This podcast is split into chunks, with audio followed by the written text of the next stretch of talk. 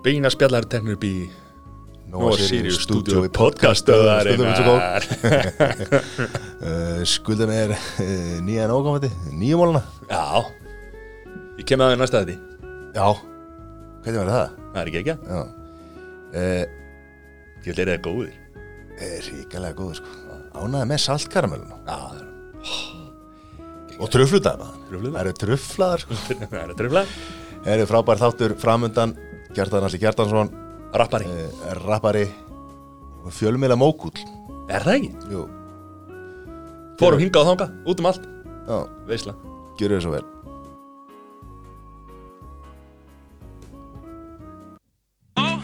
Halló? Hver í fokkinu með þetta? Þetta er K Blessa maður. Blessa, hvað gerir í kvöld? Hvað gerir í fokkin kvöld? Ég ætla að fara á þetta fokkin Jamskilu, ég ætla að fokkin jamma. Þú veist ég á fokkin Reykjavík. Við eigum fokkin Reykjavík. Við eigum fokkin Reykjavík. Hittust í bænum. Hittust í motherfucking ass bænum. Spólum við Dordína En enginn að hlusta það sko. Fór rappar í Íslandi Þið fór að panta mig Þið viti hver er aftast í klúbnum að snæða heima súpur okkar haðar síma grúpur þar að húsi verða brunnar úrstum Höld svo til bíl, stúlkunar eru fimm í bílnum við ekki yfir fattið því við eigum fokki limousín Við allir segi höndinni fokk landin ykkar það er austurum ekki fokki myndal við erum fokkin gett og fabulous göðnur er við tjúkið því við höfum búsið ef við spyrja mig veistu gauri bara að vera Það er tónlistaþáttur Lilla rugglim Ég er í sjokki. Nú, Ég var að sjá trailerinn fyrir tónlistamennir okkar já. Þú ert ekki þar? Nei, Ha, þetta er bara auðvitað að ná sér niður að mér. Er það ekki? Það er bíf hana Já, það er bíf. Bíf auðvitað. Auðvitað Er- því stríð. Er hérna, nú er alltaf hérna Nú er alltaf hljónsveitir að koma með svona comeback. Er bæris bestu að fara að vera með einhverja svona tónleika Þegar COVID-ruglur er loki Nei, ég, því miður ekki. En Það veltu, sko Ég hugsa að ég og Danni sem svona freka tilkipilegir ef að er, er svona rétta tilefnið gæfist sko eða myndaðist. En Dóri er bara farin í einhverju aðrar áttir held ég, held að hann ennið ekki sko. Ég held að sé nú alltaf til ef að Já, fyrir rétt cash. Já, Já örugglega. Í réttum mómenti hérna, uh, en þetta er það er alveg, það var alveg gaman en þetta er líka fallegt að hafa þetta bara í fortíðinni sko. Já, sumt á bara heim í fortíðinni. Sko Danni búin að vera að- blötusnúast eh, bara, já, er alltaf, er alltaf í því. Er alltaf með fótinn í, í tónlistinni Já, já, var hérna með þessar blötusnúður í já frábær plötusnúður. Og hérna e, þið Dóri hafið svo sem ekki verið að fykta í tónlistinni Nei, síðustu árin? Nei, bara ekki neitt. Uh, Dóri svona skipt ég held að við reyna allir þrýr þannig að við skiptum um gýr bara í lífinu. Uh, reglulega.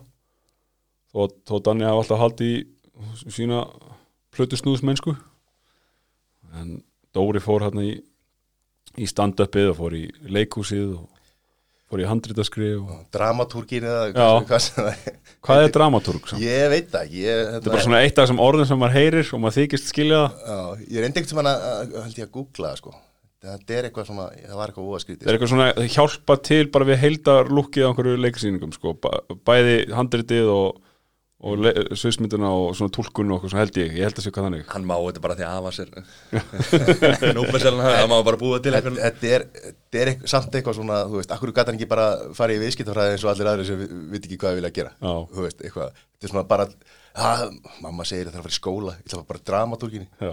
listafaskólanum, sko. Já. Þú veist, við, það, Þetta er eitthvað flott nafn það er Er dramatúrgur og svo er endari eigum við held í íslenskan doktor í skrýmslafræðum miðalda, bókstæðlega sko. Það er alveg Já. Hver er það? ég veit ekki hvað hann heitir, en það er til doktor, íslensku doktor í skrýmslafræðum miðaldra, miðalda. En hérna þangað. var, var, var rappið var þetta, pó, nú er þetta mjög pólitísk Ég var mjög pólitísk stóri áltanissefingunni Já, já, já, ég var í alltaf ég, hérna, já, ég var mjög pólitískur uh, þegar ég var ungbann og það er kannski hérna hvað var að segja? Ég held að hafa haft áhrif á lífskoðun mín í dag. Þegar ég er uh, mi- svo ofbáslan áhuga á orðinu afstafa ég átti svo öll með að taka afstöður yngri og ég er svo erfitt með það í dag. Út af því að mér finnst ég alltaf þurfa að vita meira og afla með meira upplýsinga og, og mér er svo skrítið hvað fólk getur verið einart í sína afstöðu til flókina málefna og reynda að einfalda hluti sem eru flóknir og ég, sá að heimsmynd mín var mjög einföld þegar ég var yngri. Að ég var mjög pólitískur og svo flæktust málin og þá einhvern veginn sé ég hlutina frá fleiri sjónarhóttnum Já, í dag þurfum náttúrulega allir að taka afstöðu svona svipað eins og það þurftu allir að hafa sína eigin skoðun og orkupaka þrjú sko þó engi vissi nákvæmlega eða já, því ISIF. flókin uh, milliríkja deila sko, sem að bara svoði niður í nei eða já og svo bara tilfinningar. Þetta er mjög einfalt, nei. Þannig að uh, Já, ég, ég átti mjög öðvöld með að taka afstöð og ég, held að ég sé yngsti frambjóðandi bara í söguna, það hlýtur að allan einn af þeim. Ég var 18 ára og tvekja daga gamall þegar ég fór í frambóð fyrir alltænisreifinguna sem var svona saminað afl uh, allir nema sjálfstæðarflokkurinn Já, heila það var semst þannig að e, þú varst semst sagt í, í frambúðu til sveitastofnarkostninga og varst með þá sérstu að vera ekki kjörgengu fyrir en í dag Já, þegar hann er átinn á aldri sem sagt, og þá á þessum tíma það er, tveimdum fyrir kostningar Díó var ekki kunnugt um að annar frambjóðandi hafi búið sér fram sem sagt, orðið svona skömmu fyrir kjördag sko. Nei, ég man ennþá þegar ég fekk símtalið uh, frá manni, þetta var, þetta var þannig að uh, það var vinstir græn svo svona bara eitthvað óháður eða hvað sem það hétt uh, það var uh, samfélkingin framsók ég held að þessi, þessi fjögur þessi svona fjórir hópar hafi saminast í alltaf og ég, það var semst maður frá samfélkingunni sem hringdi mig og bauð mér að að vera á lista. Og ég hafði svo sem ekkert eitthvað að tekið einhverja afstöðu í pólitík þá og að finna var hann hringdi sérst heim til mín og ég var úti að leika við bróði minn í snjóstríði. Svo fekk ég símtalið og mamma kemur út í garð, gerðan alveg símitíðin. Og ég eitthvað að teka upp síman og þá var það maður að byrja mig um að vera á lista. Og ég er að koma inn á einhverju snjóstríði sko. Og hérna 17 ára og bróðum minn 11 ára ég var að pakka hann saman. Og þarna varði ég fullorðin á, á einni mínúti á hvað að taka taka bóðinu, fannst það bara fyndið og skemmtilegt og svona, svo fór ég við eitthvað prófkjör og ég var settur eitthvað hann í tíundasæti og svo bara svona sá ég hvernig hlutinni voru og ég bara svona, ah, þetta er ekki fyrir mig maður. Og eiginlega bara svona sænaði mig út beint eftir kostningar og hafði eiginlega áhuga á þessu og svo fór ég reynda líka, var ég á lista þegar ég var beðinu það fyrir viðreist, þegar viðreist kom fram fyrst. Og það var aðalega bara því að mér fannst uh, gaman að vera sama lista á Jóngnar, mér fannst það svona ákveð bara milestone, bara ég til ég það því að mér fannst eh, Jóngnar vera skemmtilegu borgarstjóri. Og, og, þess að ég hafa einhverja skoðan endilega á öllum embatisverkum hans og bara finnst mér það fyndin gaur og ég horf upp til hans sem listamanns og og ég sagði bara já, Hann er alltaf bara legend, sko. Já, hann er legend. Þannig að það er svona, það er mín pólitík og ég fór og lærði stjórnmálafræði og eiginlega þetta er bara svona, því meira sem veist því minna veistu og þannig að ég er eiginlega hvergi í pólitík í dag einhvern veginn og allstar og ég sé alltaf einhvern veginn, mér finnst bara gaman að hlusta á rökfast fólk eins og til dæmis Helgaval og Brynjar Níelsson þegar þau mæta í bítið ég sé alltaf, og sjá þeir ekki líka maður, heyr, maður skilur alltaf hvað bæðir að segja bara, "Ah, ok, út frá Brynjar sjóna með þetta bara rétt út frá Helgaval sjóna með þetta bara rétt Já. En ertu í allt sem er í eðlíðinu? Þetta 2004 sko, þá varstu agnóst út í að, að fartöluvæðing í, í fjölbreytaskólum væri, væri of hröð Jú, þetta er mikil googlari maður. Já, ég hérna Já, klæða, eitthvað pínu. Ég, Mér fannst hérna aðalega sem að Saði ég það? Já, þú segir sko Shit. Þú segir hérna e,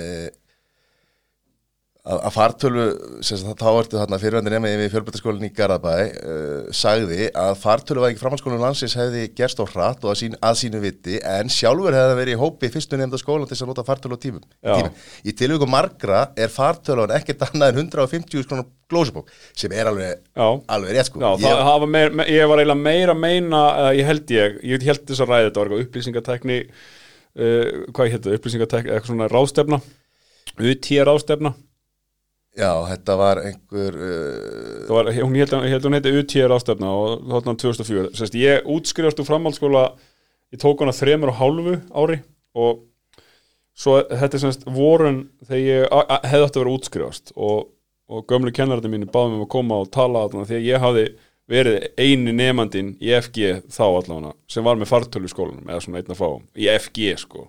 Hversu langt og undan getur verið, þetta er Garðabær sko. Uh, og mín reynsla því að vera með fartölvu í, í uh, kennslustundum þá var að uh, ég komst mjög langt í football manager eða championship manager eins og hétt þá. Ég var bara í championship manager frá fyrsta tíma til síðast tíma og þóttist þér að glósa og það var ekkit verið að koma til móts við nefndir sem að voru með tölfur skilur ekki, það var ekkit það var ekki hægt. Nei, ég var í, þegar ég byrjaði MK það var fyrsta ári sem það var sko fartölu skilda Hva, var, hvað voru það? það er uh, útskrifast 2005 þetta var þá 2001 Var fartölu skilda þá? Já. ég held að MK er fyrsti skólinn sem gera það skildu þú þurfti bara Já, ok. vera með Það fartölu var engin með fartölu að ég var í FG sko, Nei, þarna var bara námið þannig að það var sem sagt, þú fegst glósur frá kennarunum í PDF-formi og þú átt þurftir bara að skila verkefnum á tölvutakuformi og það var bara, þú sniðugt. hafa gert ráð fyrir því að þú væri bara með tölvu sko. Það komst ekki undan því sko. Hvernig tölu varstu með? Það var IBM ThinkPad það bara þetta er 2001 sko, það var nú ekki mikið um, um hérna auðvangara gresja sko. Nei. þetta var eitthvað svona skólatilbóð nýherji var með eitthvað skólatilbóð fyrir mentaskólinni Kópói Og varst í manager? Nei, ég var eitthvað ekki því sko en, en það var nú ímyndilegt annað þarna á internetinu Yrkið. Já, Yrki. Ég var yrki gott maður. Og hérna svo var við á þessum tíma það var náttúrulega vinsælt að, að þú veist, senda svona klippur á yrkinu sem að þegar opnaðir þá opnaðist bara nýrgluggi, nýrgluggi, nýrgluggi og gast ekki lokaði og einhver hljóð og eitthvað svona sko Mhm.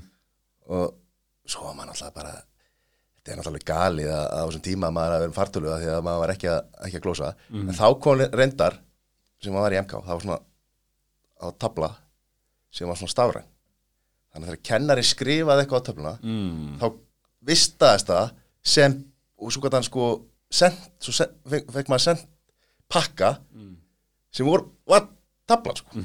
Allan tíman Smart tabla bara, já, og það hefur ekki eins og náð flugi sko og þetta var hérna upp úr aldamótu sko. Já, ég, fór, ég var að kenna einhvern tímann og þá fekk ég kynningu á þessu og maður bara, ok, framtíðin mætt en þetta er aldrei gerst, sko. Já, þetta er næstu 20 ár síðan og, og þá var þetta bara svona geggjað, bara kennarinn bara skrifaðar og, og þú ert ekki að glósa því að þú svo færði bara alla töfluna þeirra senda til þín, pakka. Já Þetta voru skemmt, skemmtileg tímar. Mm Já. Matti, hvernig stóði framhaldsskóla? Fór ekki. Okay. Lilla ruglið. Það var ekki nóg, engi skóli nógu góðu fyrir hann. Nei. Graduated from the streets. Fór, já.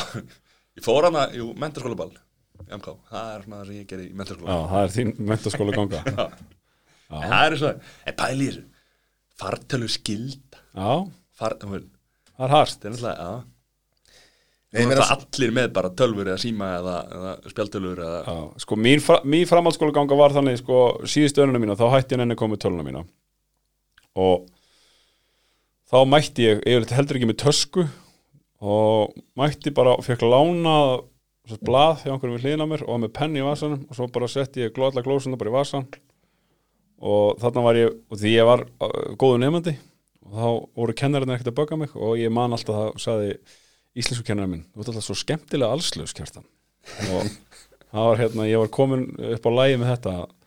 Nefndi ég að fara með töskuna með mér. Ég bara mætti og Ég gerði þetta í tíundaböf, sko, þá var hérna í grunnskólanum, sko, þá komu skápar fyrst getið þegar ég var upp í skóla. Og ég fór alltaf með töskuna heim, sko. Skóli, bækur- hvað skóli var það? Eh, Dyrhænsskóli Já. Fór aldrei með töskuna heim eða bækundina eða neitt, sko. Nei. Það var svona, rosa þægild Nei, það eins og kemur Útskýri kannski segi við kennaran sko að Mattias hefur lesið þrjár bækur af þessu. Já, total. Það er Englar Rafnsins mm. -hmm. Benjamin Dúa. Bara sjálfstætt fólk eða? Nei. nei, hérna byrju, ég, já, á að muna þetta það er Englar Rafnsins og, og Gísla Saga Sússonar og Ævisaga Alex Ferguson. Og sko, Æ- Ævisaga Alex Ferguson var á ennsku og hina tvær bækur það voru hljóðbækur sko. Þannig að hann hefur lesið eina bók og á ennsku sko. Hann hefur ekki lesið bók á íslensku. Já, og sko Gísla Saga Sússonar er á einhverju forn íslensku þannig að það er eiginlegt, það les hann engin Nei, nei, ég er bara með hljósneldu, sko Þannig að það var lesið fyrir mig en Ég fylgdi með puttana, sko, fótt alveg yfir þetta, sko að- Hvað er, hver er besta bókin á þessum þreymur? Það er náttúrulega Ferguson, klást Það er náttúrulega eina sem að maður hefur einhvern áhuga á almennilega. En ég meina, Englar alveg ekki bók og, Það, ég, þetta last bara í tíundabæð sko. Ég var helvíti langt síðan. Hann las mi mikið texta sko, hérna, í tímaritum Bleitt og blátt sko, á milli mynda. Já, myndatekstin Maður er að læra á það, læra á lífið. Spáða hvað það er breyst allt saman. Hvað er öðris að vera úlingur í dag og vera fra, framhaldsskóla aldrei. Þetta er bara gali sko. Voru þetta skemmtilegustu ár að þinn að segja það, þú varst í framhaldsskóla Sjáðu þig sko, mér finnst það miklu þægilega að spyrja spurninga ég, ég vissi þetta myndi að gerast og ég fara að taka ykkur í þetta Þetta var frábær tími.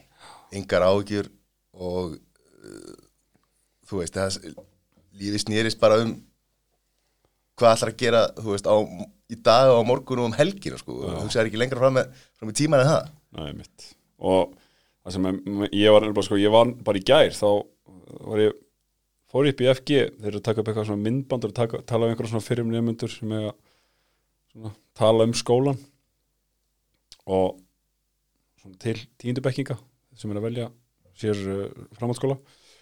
Og ég fór að hugsa svona, búin að hugsa svolítið mikið um, og því ég vissi hvaða spurning er ég var að fara að fá og svona búin að hugsa um framhaldsskólagungunum mínu og hvaða var sem að var öðrísi og það sem að var eiginlega öðrísi þá og bara við allt er, við vorum svo frjáls frá hvort öðru að núna eins og við sitjum hérna þrýr og við erum að tala á svokvöldum ofinbjörnum vettvangi þó við sitjum hérna bara þrýr og svo er einhverju spjalli upplóta á einhvern stað á netinu og fólk er frjálst og smellir á þetta og hlustar. En við erum allt sem við segjum hérna geti við einhver bladamaður á einhverju netmili tekið, skiljið, búið til fyrirsögn úr því og, og búið til frétt úr því og láta líta út á einhvern ákveðin hátt og reynda svona lita afstöðu fólks til okkar. Skiljið hvað er að fara? Að við vorum svo frjáls frá þessu. Við gátum bara verið við sjálf og þurftum aldrei að svona það bara getur hver sem er, ég menn það var einhverju framhaldsskóla þú veist, einhverju framhaldsskóla nema sem hafði þetta byggðast afsökunar ofinberlega á einhverju framferði sínu, skiljiði við gerðum all, allir Íslendingar gerðum mistök í framhaldsskóla. Sögðu eitthvað sem allir ekki að segja gerðu eitthvað sem allir ekki að gera og voru vittlisingar Þetta alltaf festist ekkit á einhverjum samfélagsmiðlum. Þú settir þetta ekkit inn Nei. á einhvern ofinberran vettfakar sem þú segir. Nei, og þá er þetta bara annarkvort einhverjum slúðusögur En- eða eitthvað svona, eitthvað bullskilur.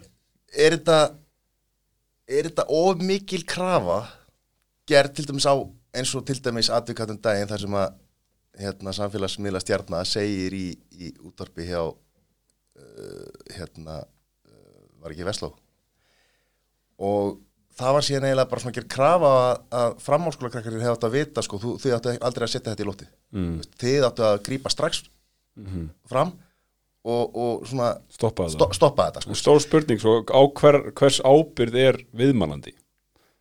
Og þetta er líka svo að blaðamar tekur viðtal blaðamar tekur viðtal einhvern og skrifar upp eftir einhverjum.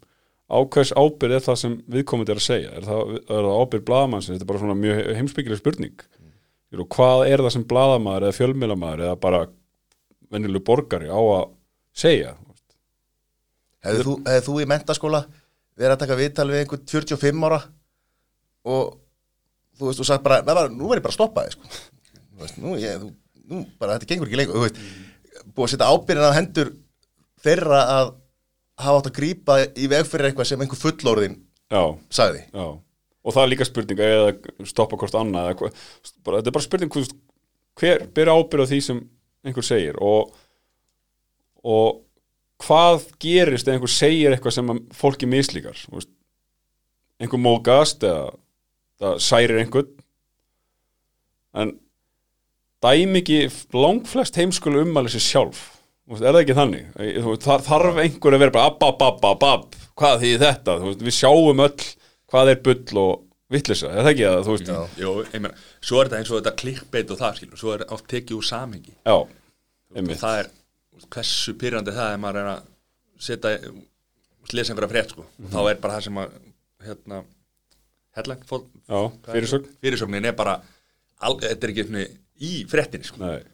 og svo líka bara hvað við erum orðin þú veist, internet er ósegjandi skrýmsli sagði mm. maður sem ég lærði mikið af í blaðum sko. hann sagði veist, þetta, og við erum öll svolítið svona háð því að við, maður refreshar vísu og MBL hvað ætlum að fara oft inn á vísu og MBL á dag? Fimm sinnum, tíu sinnum. Já. og við gerum alltaf kröfu á að, að, sa- sama krafa við gerðum á dagblöðin í gamla daga. Að þegar mokkin kom inn úr lúfunum hans og maður opnaði mokkan og það átti alltaf að vera nýtt. Við gerum þessa kröfu á þessa stóru miðla, þú veist, og DF og RÚV og, og, og fleiri fréttamila að við getum komið hérna inn fjónum fimm sinum á dag og það er allt nýtt. Og maður bara, pff, það er alltaf sama hérna inni. Hvað er, veitir hvað ég meina? Já. og það, ger, það sem það, það, framkallar er meiri hraði og framleyslu krafa á blaðamenn sem þýðir óvandari vinnubröð sem þýðir meira mistökum sem þýðir meira ósætti og meira ósætti skapar svona nýja fréttir og þær eru unnar hraða og þetta verður bara svona algjör vítarhingur sem við erum komin í og það er svona allt, allt frétt í dag. Og það komi sér svona reyfing alltaf að gera svona 2014, 13, 14, 15 einhverstað á þessi bila sem að það voru svona einhverju gamlingar í kommentakerunum sem voru að segja, er þetta frétt? og maður bara, pff, Þetta er ennþá. Já, þetta er ennþá, en svo fer maður að hugsa er allt frétt, skil, skil ég hvað að fara. Að höf, höfður allan eitthvað til þessi smáls, mér fannst það að vera bull á einhverjum tíma og þarna kemur aftur hvað ég öll með að taka afstuð því að maður vil alltaf uh, læra meira um, um fyrirbærin. Vísir geti sett bara va- valda kabla úr einari áskil á forsíðun og það er þið mikið lesið frétt. Því að ég var alltaf á því að það sem er lesið það er frétt. Því að fréttir eru speil á mannlífið. En það er komið eitthvað dagskrárvald til blaðamanna, það er komið eitthvað svona hvað ætlar þú að bera á borð fyrir almenning í dag? Er það, að, þú þú að þú og ég er fjölmjöla maður líka þú ætlar við að reyna að gera daginn betri fyrir fólk er að fara? Og þetta þarftu alltaf að segja erfiða frétti líka og allt það en að það er eitthvað og þú veist, ég er ekki komin að nýtt niðurstuðu sem máli en maður svona sér alveg báða hliðar og þú veist, það þarf ekki alltaf að vera frétt það þarf ekki að vera frétt hvað einhverjum millistjórnundum í, hjá Reykjavíkuborg finnst um ófærð season 2 sko.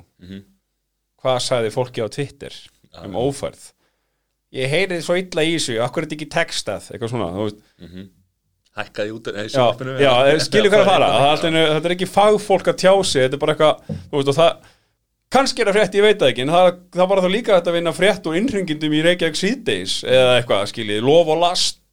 Fjórir löstuðu uh, eitthvað, bla bla bla fyrir uh, lélega þjónustu eða eitthvað, skiljið mm -hmm.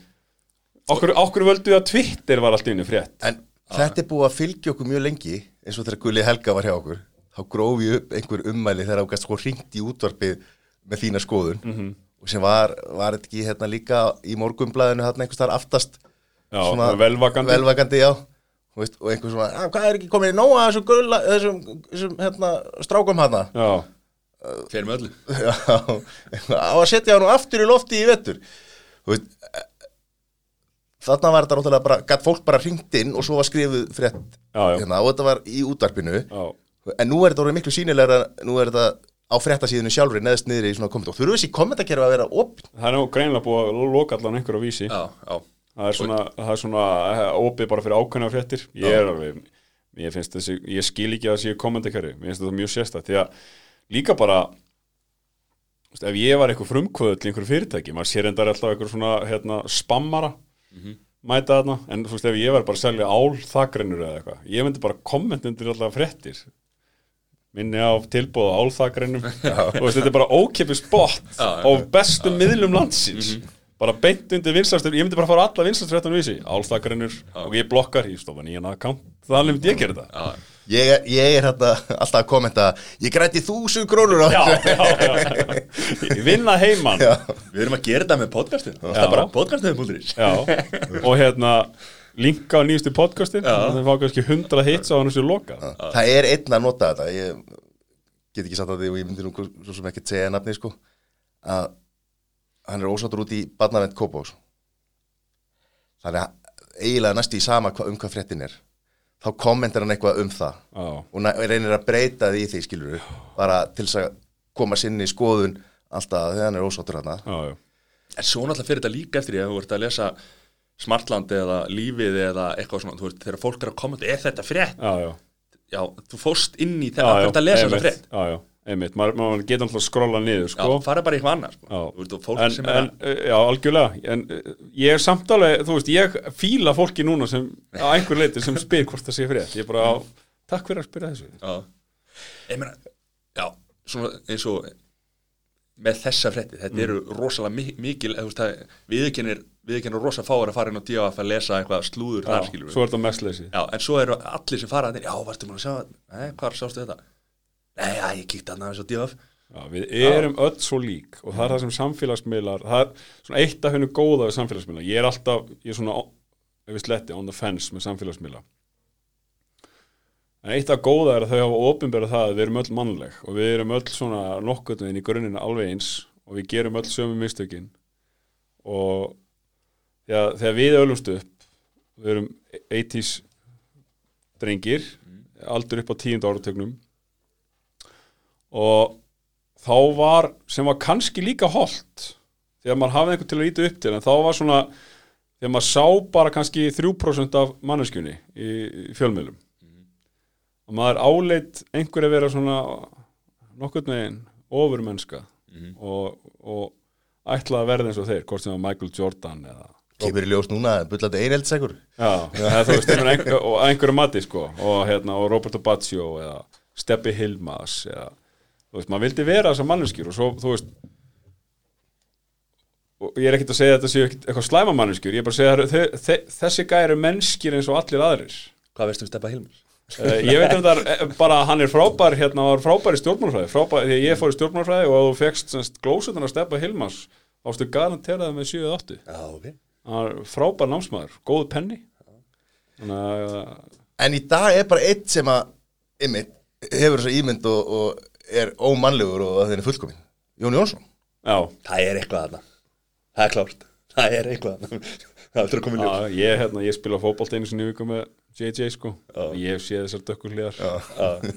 En það, það, er samt, þú veist, en það er samt alveg viðurkend þú veist, að vera með keppniskap. Það, já. er, þú veist, það er bara, já, ég menna, hann er bara það er bara að bara geggjað. geggjað. Ég elska það. Ég, það gefur hann meiri dýft þetta er einn af mestu toppmennum hansins það er bara þannig En fyrst þú talar um fótboltan, þú ert náttúrulega köruboltastjárna Fyrst og fremst. Nei, ekki, stjarnar Já, Íslandsmeistari og, og Já, ég var byggamestari í meistarlokki, ég var Íslandsmeistari í einhverjum yngri flokkum og hef unni titla sem þjálfari líka. Já, byrju, þú var, varst í Íslandsmeistar stjórnuleginu ég var byggamestrar voruð bygg, voruð ekki Íslandsmeistar við töpum í úslitum tvisvar takk fyrir að rífa það Ég var svo vissum að, að, að þú hefði vinnur í sigurleginu þannig einhverju tíma. Við, hérna, við verðum byggamestrar 2009, 2013 og svo 2015 þá var ég aðstöðþjálfari þannig að já, byrjar ungur í körunni eða? Ég- Já, ég sko, ég hugsa ég byrjaði miklu fyrir fótbolta. Pappi er fótboltamaður, eða var og þú veist, hann er þá lífi en hann er uh, orðið 74 ára, þannig að ég held hann sé hættur.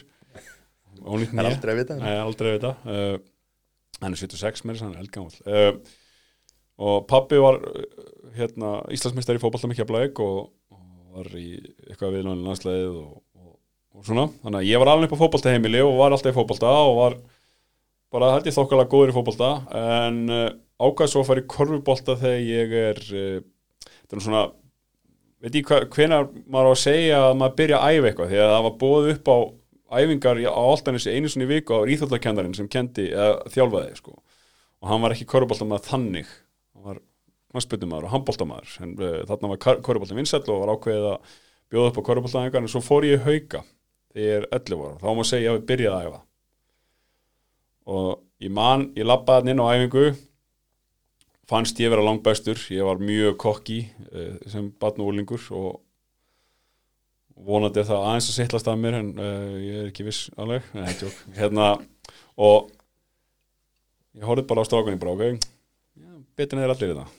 Og svo komst ég að því að þetta var eh, lið sem hafi orðið Íslamistari og ég fer að nýta lið og bara byrja liðinu og bara sterkur leikmaður þannig. Og við töpum mikið leik held í einhver tvö ár og pökkum öllum saman og geggja lið sko. Þá eiginlega var ég húgt á korfbalta og hef ekki lítið tilbaka síðan en ég spilaði alltaf þegar ég var í sérst, þó, þó ég var að spila með einu bestalið Íslands í korfbalta þá spilaði ég alltaf fótbalta á sömurinn með þessu og Já, því að það gæti ekki valið sko hvor íþórtin er En af af hverju þetta kallað hvíti Lukaku? á strákunum. Það er út í spil eins og Lukaku.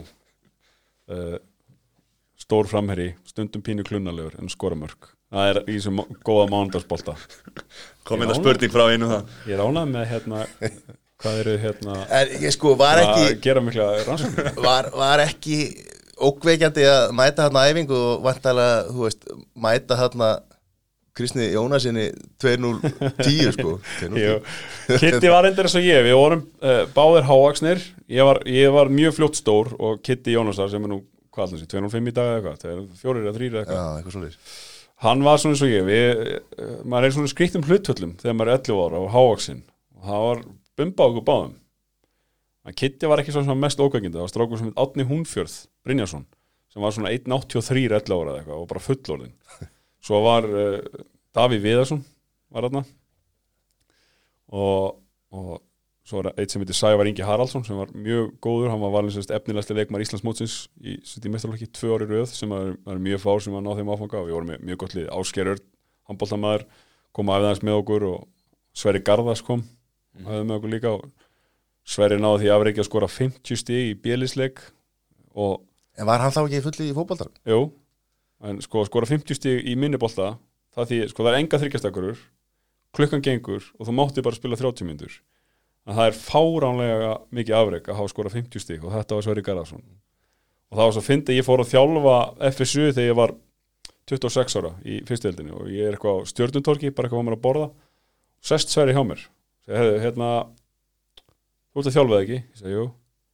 Það heyri ég þér, ég er að spája að koma í í körfun og ég hef alveg, alveg trúan til þess að vera góðum í körfu sko, fullorðnum, hann er hann íþróttamaður sko. toppmaður. En hvað, hérna, á, á þessum tíma þá ertu náttúrulega að lesa NBA bækunar mm búin að skrifa bók núna. Mhm. en á þessum tíma, þetta var hvað, NBA 95 hér eina eða ekki? Jú, þetta voru þrjár bækur.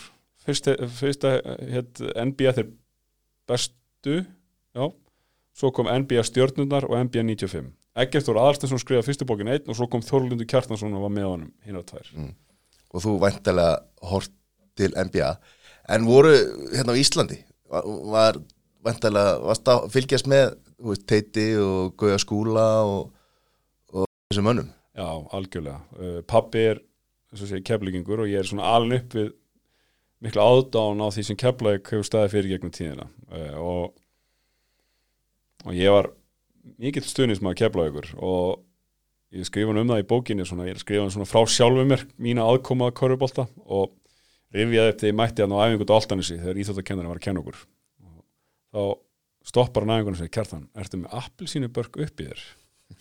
Og ég, þá var ég með það sem góm. Já, ok. Kit- Kitty Friðriks var alltaf með svona guðlan góm og ég sá bara hérna, ég var eitthvað heima og mig langaði guðlan góm og það var ekki þetta að kaupa það á Íslandi hérna og hérna að ég tók bara og skar niður appi sínu og mætti með það sem minn góm. Og Ljónharður ljónaður sko en svo, út í að pappi vann upp á velli og þá gáttum við oft svona reddað uh, amerískum vörum. Og þá var farið í það að panta einhvern gómað utan sem að kom svo. Og þannig að ég var fyrstir, fyrstir með góm eins og fyrstir með fartölu í Garðabænum. Já, og varstu með hann bara í og svo búið eða? nei, nei, mér fannst það cool sko. Já, sko það ég hugsa sé engin sko ja, eins og þú ja, nema, nema einn sko. Jafn góður leikmar og verður ungur þjálfari. Mm. Hann er nú komið til okkar. Friðrik Ingi Rúnarsson. Já, hann var hérna, tekur njárvíkuleginu bara 21 eða eitthvað. Já, hann, og hann, það svo fyndi, hann er ári yngri en Teitur Örlíks svo fyndi hann að vera þjálfa gæja allan að tíma. Já. og verið sá sem þurft að ráða. Og Teitur er mesta alfameil sem ég hef kynst held ég, eða svona einn eitt, einn af mestu sem, eða svo, hvernig orðið þetta, eitt mesta alfameil já, bara sem Já. ég kynst uh, og Friðrik er náttúrulega góðsögn í bransanum sko. Og það er ótrúlega gaman að tala við hann um körubólta, hann var, hann vann á KKI og þegar maður var kannski að koma með einhverjar leikskýslur eða eitthvað umslugum sko, þá gerum maður bara ráð fyrir því að festast hjá honum, því að sem ungur þjálfari, þá viltu bara vera veist, að pikka breynið hjá þeim eldri sko. Og hann, var alltaf tilbúin að miðla sinni reynslu og er það enn. Það er ómetanlegt fyrir unga þjálfara. Já, og var á, á sínum tíma alltaf tengslu við bandaríkin og sækja sér þekkingu þar og, og svona hann er kannski, ofbóðslega vel tengdur sko. sem að kannski þjálfar á þessu tíma voru kannski ekki mikið á Íslandi að nei, gera sko nei, minna maður sér bara Twitterfítuna stundum hann eitthvað veist, skrifar eitthvað og þá kemur hérna koma kannski einhverju gæja sem hafa verið aðstofþjálfur eða, í NBA að aðalþjálfur í háskólaboltanum og fara eitthvað að kommenta á hjá hann og bara, ok, þessi gæri er bara vinir að springa sko. Já.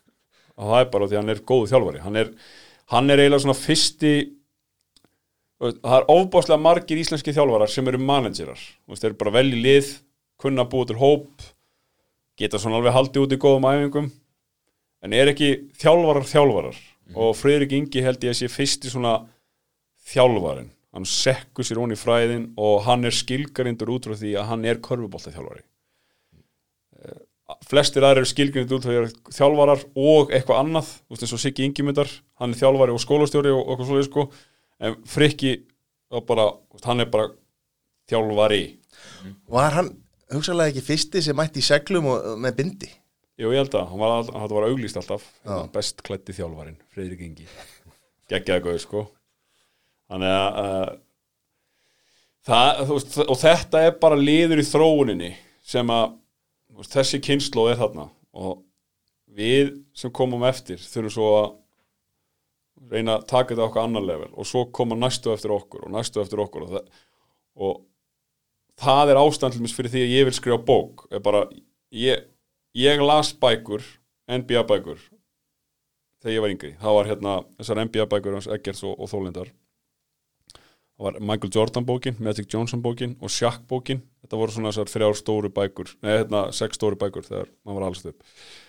Og ég held ég að lesi Shaq bókin, ég var mikill Shaq aðdándi sko, ég held ég að lesi hann svona þrísa fjóru sinum, hún hétt sko ennsku Shaq Attack en var íslensku Shaq sóknin verður ekki stöðvuð. En þjált og það er. Shaq Attack er geðvægt sko. Sóknin verður ekki stöðvuð. Var, var það svo sami einstaklingur sem að þýði titlan á rúf? já, En það, Cri- Criminal Intent. Já, Já, ég það ekki, en uh, hann var frábær bók og, og hérna og það hefur ekki komið út köruboltabók í marga og marga áratí eða ekki marga marga áratí, mörg mörg ár. Uh, þessar NBA bækur komið út 95 sem síðasta.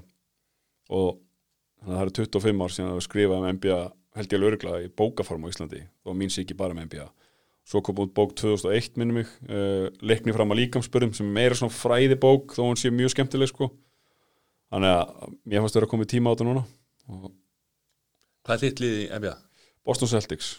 Ég, það er bara mitt lið í öllum íþróttum. Veist, ég er harður United maður líka í enska sko en Boston er bara, það er lífið snýst svolítið um það heima. Var fugglið þá þinn maður eða? Já, Larry Bird er fyrsti gæðin sem ég er svona læri að meta þó að hann á, svona, hans bestu tímabil eru þegar ég er svona fjögur ára það var samt Larry Bird plakkat í herbygginu minni það var bara svona einu af mínum fyrstu minningum. Ég held ég var svona tveggjar að pappa var búin að hengja upp. Pappa var mikill bóstamaður sko. Ég næ aldrei Larry Bird sko. Hann er, þegar ég er farin að fylgjast með þessu einhverju ráði þegar maður er 7-8 ára skil ég að hérna, sapna NBA myndum þá er hann bara baka ykkur gammalt kall sko en Þá hefði verið auðvelt að hoppa á Jordavagn en gera það ekki. Nei, ég, það svona, var mótþró í mér og næstur á eftir börn í mínum huga, Boston gat ekki mikið en maður held samt með þeim. Næstur var Karl Malone sko. Ég sapnaði Karl Malone myndum meðan aðrir sapnaði Jordan því ég vissi að ef ég átti Jordan mynd sko sem ég fekk í einhverjum hópspakka þá Í gæti ég fengið- hérna, ég man bara í hérna, treyta einu sinni hérna, einhverjum s- sjaldgæfum Jordan fyrir heilt Eastbox af myndum og ég bara, ég var að gera góðan díl hér sko. en uh, í þá gömlu góða dag þegar maður sefnaði köruballamyndum en, en í dag er ég mjög harður Jordan maður ég sakna þess að hafa ekki metið hann að verðleikum þegar hann var uppi því að hann er langmerkilegast íþróttamæður sem hefur verið uppi á okkar tíma. Er ekki sammála því? Já. Og Eða ekki sín, langmerkilegast en hann er alltaf merkilegast sýnir náttúrulega lesta en sýnir sýnir þó allir allir náttúrulega vissu hvað hann, hann gat en það sýndi það. En sýndu hversu sko mikill íþróttir og persónleiki hann var sko það fennir yfir allt í lífinu og það fennir yfir öll afreg með veist, í, í, bara þegar tíminn líður sko. Í fyllingu tímans. Og það var aðeins búið að fenna yfir hvað Jordan var nú þarf ég að sletta, hann var konsistent, hann var alltaf mættur og hann ætlaði alltaf að dominate. Hann ætlaði alltaf, ég ykkur um að afsaka slettundar hann ætlaði alltaf að vera gæðin sem að vann hvern einasta leik og hvert einasta veðmál sem maður fór í og allt. Og ég segi það, maður sér þess að NBA í dag, þeir eru með followers á social media sko, hann var með followers í lífinu, það var fólk sem beið fyrir utan hótelið hans, þúsundir bara til að sjá hann. Það var það mikið, mikil góðsöks En er það, úst, ef hann væri upp í dag úst, er þetta ekki líka tímabilið úst, ef, þetta, ef hann væri upp í dag skil, þá væri hann með miljón followers Jú, jú, jú. þá væri kannski fólk að sjá hann miklu örar og oftar. Já, var þá væri kannski ekki komið á, á hótelin Já, það er alveg hárið sko en þetta sýnir kannski líka hvað fólk að tilbúi bara hvað að gera til þess að sjá hann sko og þetta er líka á því tíma sem við talum á hann hann var svona ofur mennskur og, og við sáum meira afreikurum hans en, en því slæma sem hann gerði sko en samt var svona eins og við sáum í Last Dance því var alveg haldið á, á lofti og hann var alveg hamra á hann sko fannst þér að sumir sem sögðu að hann hafi komið illa út úr þessu? Já, æ, Nei, en sko, en svo, svo má hann ekki gleyma því, sko, hann er prodúser á þessu, Já. þú veist, ka- koma kannski í betri ljósi heldur en uh, hann hefði átt að koma, því að hann alltaf þurft að samþykja hver einustu mínúta Já, já. þarna í þessu. mér, og mér finnst þetta meira bara að vera eitthvað speil aftur í tíman sko. Og ég meina maður sá Scottie Pippen var eitthvað ósáttur og svona. Það er alltaf allir ósátti við æfisögur eða eitthvað svona. og hefði Jordan eitthvað hleyft einhverjum gæjum eitthvað myndefni sem hann ætti nema hann myndi segja ég ætla að fá að fara yfir þetta og eiga síðast orðið hérna. Það gæti heitið the last word sko, þetta sko. En þetta bara er Jordan og þetta er bara leiðin fyrir okkur til að sjá og, það, og komið aftur að einhverju svona fólk er að taka afstöðu koma hún út ítlega eða vel eða betur eða verra en hann hefði þetta að koma út. Ég veit það ekki, skilur ég er samt búin að fylgjast með Jordan alltaf. Þetta er bara svona þetta er bara heimilda þáttaröð sem að er maður veit bara ok, hann, eina sem við þurfum að vita er að hann átti síðast orðið. Og það ætti að hjálpa okkur til að melta myndina. Hún er ekkit betri eða verri fyrir vikið finnst mér. Þetta er bara, Þetta er alltaf geggjað, þetta er ótrúlega gott sjónvarsefni sko. ríkalega Og gott hann gat, náttúrulega, kröfunar sem hann gerði á leikmennin í kringu sig voru náttúrulega gríðarlega. já, Og hann gat gert eins og þetta var kannski svona pínu misfit hérna, eins og með Rodman. Og, og svo náttúrulega farið illa með Scottie Pippen maður, að- hann fekk ekki laun.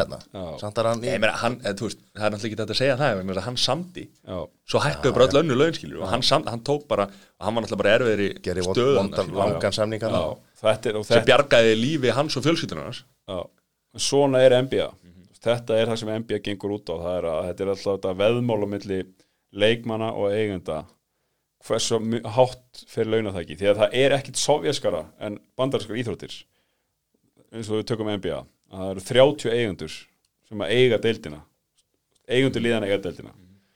Og þeir hafa allir sagt, svona, hvað við segja, bara þeir hafa allir sína rödd og geta allir haft áhrif á framgang deildarinnar. Og það er stjórnmálafræði kenningar John Rawls, það kynnt ykkur þær Nei. uh, sem ganga út á að ofur einföldun John Rawls saði, ef það væri þjóðfundur áður en að við myndum fæðast við vitum ekki hvar við fæðumst í heiminum. Er þjóðfundur sem að allar verur koma saman. Og við þurfum að ákveða hvernig gæðanum á að vera skipt. Þá myndi allir hugsa, ok ég gæti alveg lent í því að vera einn af ríkustum mönnum í heimi og vera heppinn. Og þú veist, fengi réttar aðstæður til þess að propella sjálfa mig upp eða ég geti fæðist í mikilli fátækt geta slæma fóreldra eða fæðist í landi það sem að var ekki mikið Fá bara- tækifæri. Já, bara var, var að fá tækifæri Þannig að ef að verur getur haft áhrif á framtíðina áður en það fættust þá myndu þar hækka gólfið og, þar, og, og móti lækka þakið. Það myndu svona reyna að jafna kjör allra. Þetta er svona hans sín á hvernig heimurinn ætti að vera. Og það er alveg sama að þetta segja um NBA því að þarna er actually þessi fundur og það er þjóðfundur því að menn eigundunir, þeir vita aldrei hvernig liðir að vera því að NBA, það er sagt, nýlega valið er mikilvægasta dreifingatól á talent í NBA það er koma nýlegar inn árlega úr háskólaboltanum á Evrópu og Söður-Ameríku og Afriku því er að skipta en svona yfirleitt úr háskólaboltanum á Evrópu og þetta eru bestu ungu leikminni heimi sem eru valdið til að taka þátt í þessu nýlega vali. Og það er lotteri hver er efstur, hver far fyrsta valrétt? Það er ákveðin, þú veist, eða þú ert ne- neðstur þá eru mesta líkur en það er ekki svakalega mikill munur en það er alveg kvati til að tapa. Og 14 neðstu liðin geta fengið fyrsta valið en eftir mismiklum líkum. Og svo er öll liðin sem komið í úslakepptuna það er þetta bara ákvarðað. Eða þú veist, ef þú ert 15. besta lið NBA þá farið 15. valið og besta lið eða vinnur þá farið 30. valið þannig að það reyndur að dreifa þessu jafn en eitt leikmar getur haft svo mikil áhrif þannig að þetta er eiginlega, þú veist, þannig að ef þú nærið eins og Milwaukee Bucks nær Jannis Antetokounmpo þá er bara framtíð Milwaukee Bucks miklu betri en þeir vita aldrei hvenar þessar stjarnar kemur þannig að þeir eru alltaf að reyna að takmarka völd hinn á stóru og hinn á góðu og reyna að hámarka hvað litlu marka þetta geta gert og hérna, þannig, að það er það sovjerska við NBA og það, þann, og Scottie Pippen lendi basically í því að launa það ekki hækka þarna, hann tók þennan sjens sem bjargaði sem bjargaði lífi hans. Já. en launa það ekki hækkaði út af tekjum deildarinn því að launa það ekki er ákvarðat á tekjum deildarinnar. Og tekjum deildarinnar jökust út af því að liðsfélagi hans Stækkaði sig stækkaði sviðið sko. og þetta er bara þessi eilífa skák sem að leikmenn og eigundur eru í því að það er sagt þessi, þessi skipting. Það er 51-49 eða 50-50 mann ekki nákvæða eða nýbúa eða tiltölu nýbúa skrifundir hérna kjærasamning og þó er hann sé nú að senna á enda þessi sem er í gangi. En að eigundurnir og leikmennir skipta á milli sín sagt, já, skipta tekjunum á milli sín. Já, og þetta og sem að gerist náttúrulega sko í amerískum íþróttum eins og NFL þegar Brady sem að var bestur hann tekur bara á sér launalækun til þess að fá einhvern leikmann Já. með sér. Já, Messi er ekki að fara, fara að taka launalækun á sér til þess að tók ekki launalækun á sér til þess að fá Suárez sko. Nei. Nei. Nei, en í NBA er það þannig að það er ekki mikill það er ekki mikil menning fyrir launalækunum því að þegar leikmenn hafa gert þetta er að tekja þessu launalækunir til að fá aðra stjórnur þá hafa eigundundu stundu gengið á lægi og svona pínu ekki kannski svikið á en svona ekki fengið leikmennar sem þeir vildu fá og okkur svoleiðis. Og það er líka svona menning í NBA þú veist, þú átt að fá borga það sem þú, þú veist rauninni upphæð upphæðinu launaumslæðinu segir til hversu góður þú ert. Þannig að náði peningi sem þú átt skilið og ekki gefa neitt afslátt. Og var gríska undrið ekki að gera einhvern stæsta sann í sögunar Jó, það voru 225 miljónir dólar eitthvað svo leis og það er bara líka aftur sovjast, því að þetta er þannig að þú mátt bjóða, það er kallað max kontrakt eða eins mikið mátt bjóða, kallað hámarksamningur og það er ákveðin prósent af launatækinu sem mátt bjóða leikmanni. Og og ég bara dáist af fólki sem er enn að hlusta. En hérna þannig að og svo getur þú sko hækka þá tölu eftir því sem að þér gengur betur eins og hann var búin að vera valinn MVP tvisvar ef maður rétti á og hann var búin að fara í stjörnu lið ákveð oft, ákveð oft í úrvalsliðinu og þá er hann eh, tiltækur í eitthvað sem heitir Supermax og hann er hann er að fá Supermax extension eins og kallað og svo bara launa það ekki bara harrið hann var og þannig að þetta er, er stærsti samningur það er bara árlega alltaf að gera stærsti samningur í sögu NBA bara stjarnakvæst Þetta er stakka og stakka þetta er árlega að gera stæstu samningur og, og svo er Jordan alltaf tekjast íþróttumæður heil Já, nákvæmlega, með sína einn fattalínu sem að Pæli því. Va, varstu, varstu í Jordan sko? Fyrst að það varst börnmaður. Þetta eru 105 koffínu vatn Já, Er þeirra spónsingur? ja, ekkert frekar en, jú, jú, bara eins og er. Ok, ég held ég var að gera um greiða. Jú, jú, þetta er bara ekki Hérna- Við erum miklu 105 menn. Já uh, ég, Nei, ég var hérna Ég var í Adidas skóm Late 90s sem var svona með eitthvað comeback. Ég átti Dennis Rodman skóna Ég átti Grant Hill skóna Ég átti reynda geggjaða Nike skó Ég var aldrei í Jordan skóm Aldrei. Það er skellur Já. En núna, í dag? Ég á einhverju svona óbáslega sjaldgæfa Jordan skó sem að félagi minn í bandaríkjunum, hann er skósafnari. Hann sagði mér að kaupa á rándýrir, ég er aldrei í þeim ég tímið ekki, þeir eru svo dýrir. Nei, hérna, það er einhverju svona svartir rauðir, eitthvað Jordan þr- þristar eitthvað, ég kann ekki að segja þetta Hvað borgar eru þetta? 400 dólar eða 300 dólar eða eitthvað. Það er ekki neitt skiljið, þú veist, það er bara svo stígvil þú veist, það er bara svona, hérna, svona uppáður skór í dag eða hvað er þetta, svona, hérna klossar eða eitthvað, Buffalo skór Buffalo skór það er allt orðið svo dýrt í dag. En það, fyrst að við erum að tala um korfbólta þá verðum við að tala um þann sem var kannski mest verið að líka við Michael Jordan Kobe Bryant. Já, og, og það allt saman, hvað, hvað það hafði mikil áhrif á körbátaheimin en fjall frá. Já, Já, var, ég trúði ekki að þetta geti haft svona mikil áhrif á mig. Ég, ég var ekkert einhver Kobe aðdándin, ég maður virt hann skilji, sérstaklega, ég, Kobe voru svo margi persónleikar Kobe, þú veist, hann er bara svona, hann átti sín tímabil í lífinu og man, man er leiðin sem að þekkta hann, hann bara 20 ári deildinni, maður bara með hann á nóttinni, skilji, þú veist, eða NBA gæja, þú veist, maður er að, maður er að horfa á þess að gæja á nætutna og maður er svona einn og þetta er rosalega náið samband innan gæðsalappa sem maður á við körbóltamenn því að það eru fimminn á vellinum þeir eru í, í svona klæða litlum búningum mm. samanborið NFL gæðina sem eru með hjálm og sérði ekkert andlitin að þeim sko. og alltaf verið svona að fara með kamerun í andliti á NBA-leikmennum og sjá sviprið og svona og manni fannst maður þekkja Kobe og það var líka bara ógeðislega sorglegt það var svona sorglegt hvernig það gerðist? Hvernig það gerðist og, og það voru hérna ungar köruballadömur sem voru með. Og bara þetta var það var alltaf sem að tala um skilur svolítið að það voru fleiri en bara hann sem að fór, fóru, fórust í þessu slisi sko. já. Það var alltaf var sjálfsögur hann alltaf lang já, já, þekktastur sko, þannig já, fólk náttúrulega bara tengdi við hann.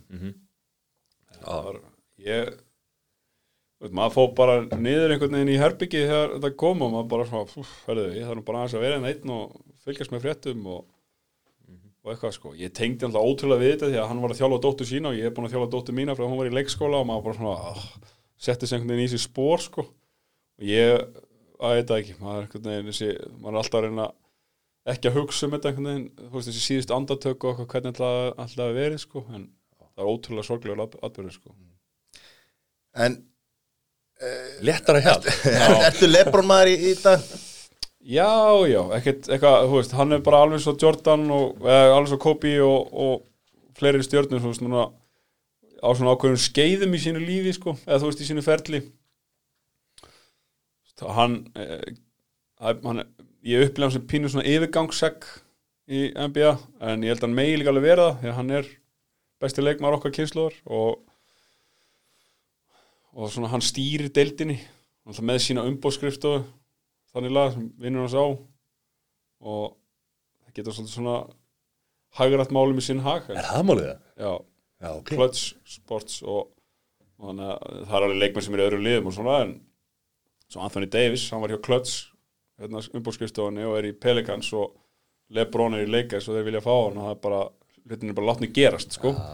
Þannig að það er svona en Lebron er frábær leikmaður og mikill hugsuður og ég er mjög gaman á hann ég hafði líka mjög gaman á hann það fór aftur í Cleveland. Mér finnst það mjög gott Já. múf hjá hann ég samála því sko. Þessi klöts, klöts umbóðskristofa, það er svona eins og, uh, hvað heitir hann? Já. sem að Slatan var að segja núna að hann væri bara besti hérna, umbásmaður í heimi og væri bara geggjaður og Hann bara- virkar það. já, hann gerir allt við klæðendal sína fucking hálið já, Já, hérna, sko, þetta er alltaf, það verður alltaf einhver svona leikmaður á einhverjum tímúti sem verður svona eins og, þú veist, breyti í NFL, Lebron var það, en svo náttúrulega Curry og, og hann hérna, Hard? James Harden, Ja, Kevin Durant já. en Lebron er miklu starri þeir svona persónuleiki sko, pers hann er bara segja, mikilvægari deildin en þeir. Hann er hann er geitin í dag sko, ekki, ekki, allar tíma sem geitin alltaf ástanda fyrir.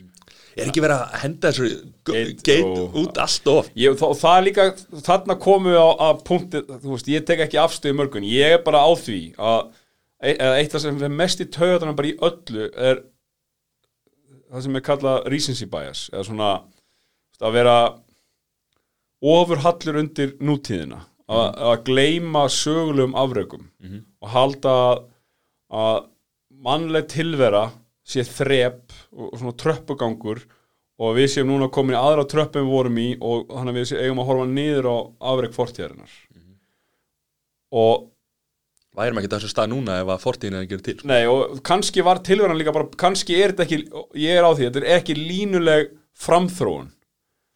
Það er, menn við horfum á Last Dance, við horfum á hvernig tilveran var þá. Erum við betri í dag? Spurning, be, er, er mannleg tilvera betri en hún var til þess þegar við erum alveg upp á tíundu áratögnum?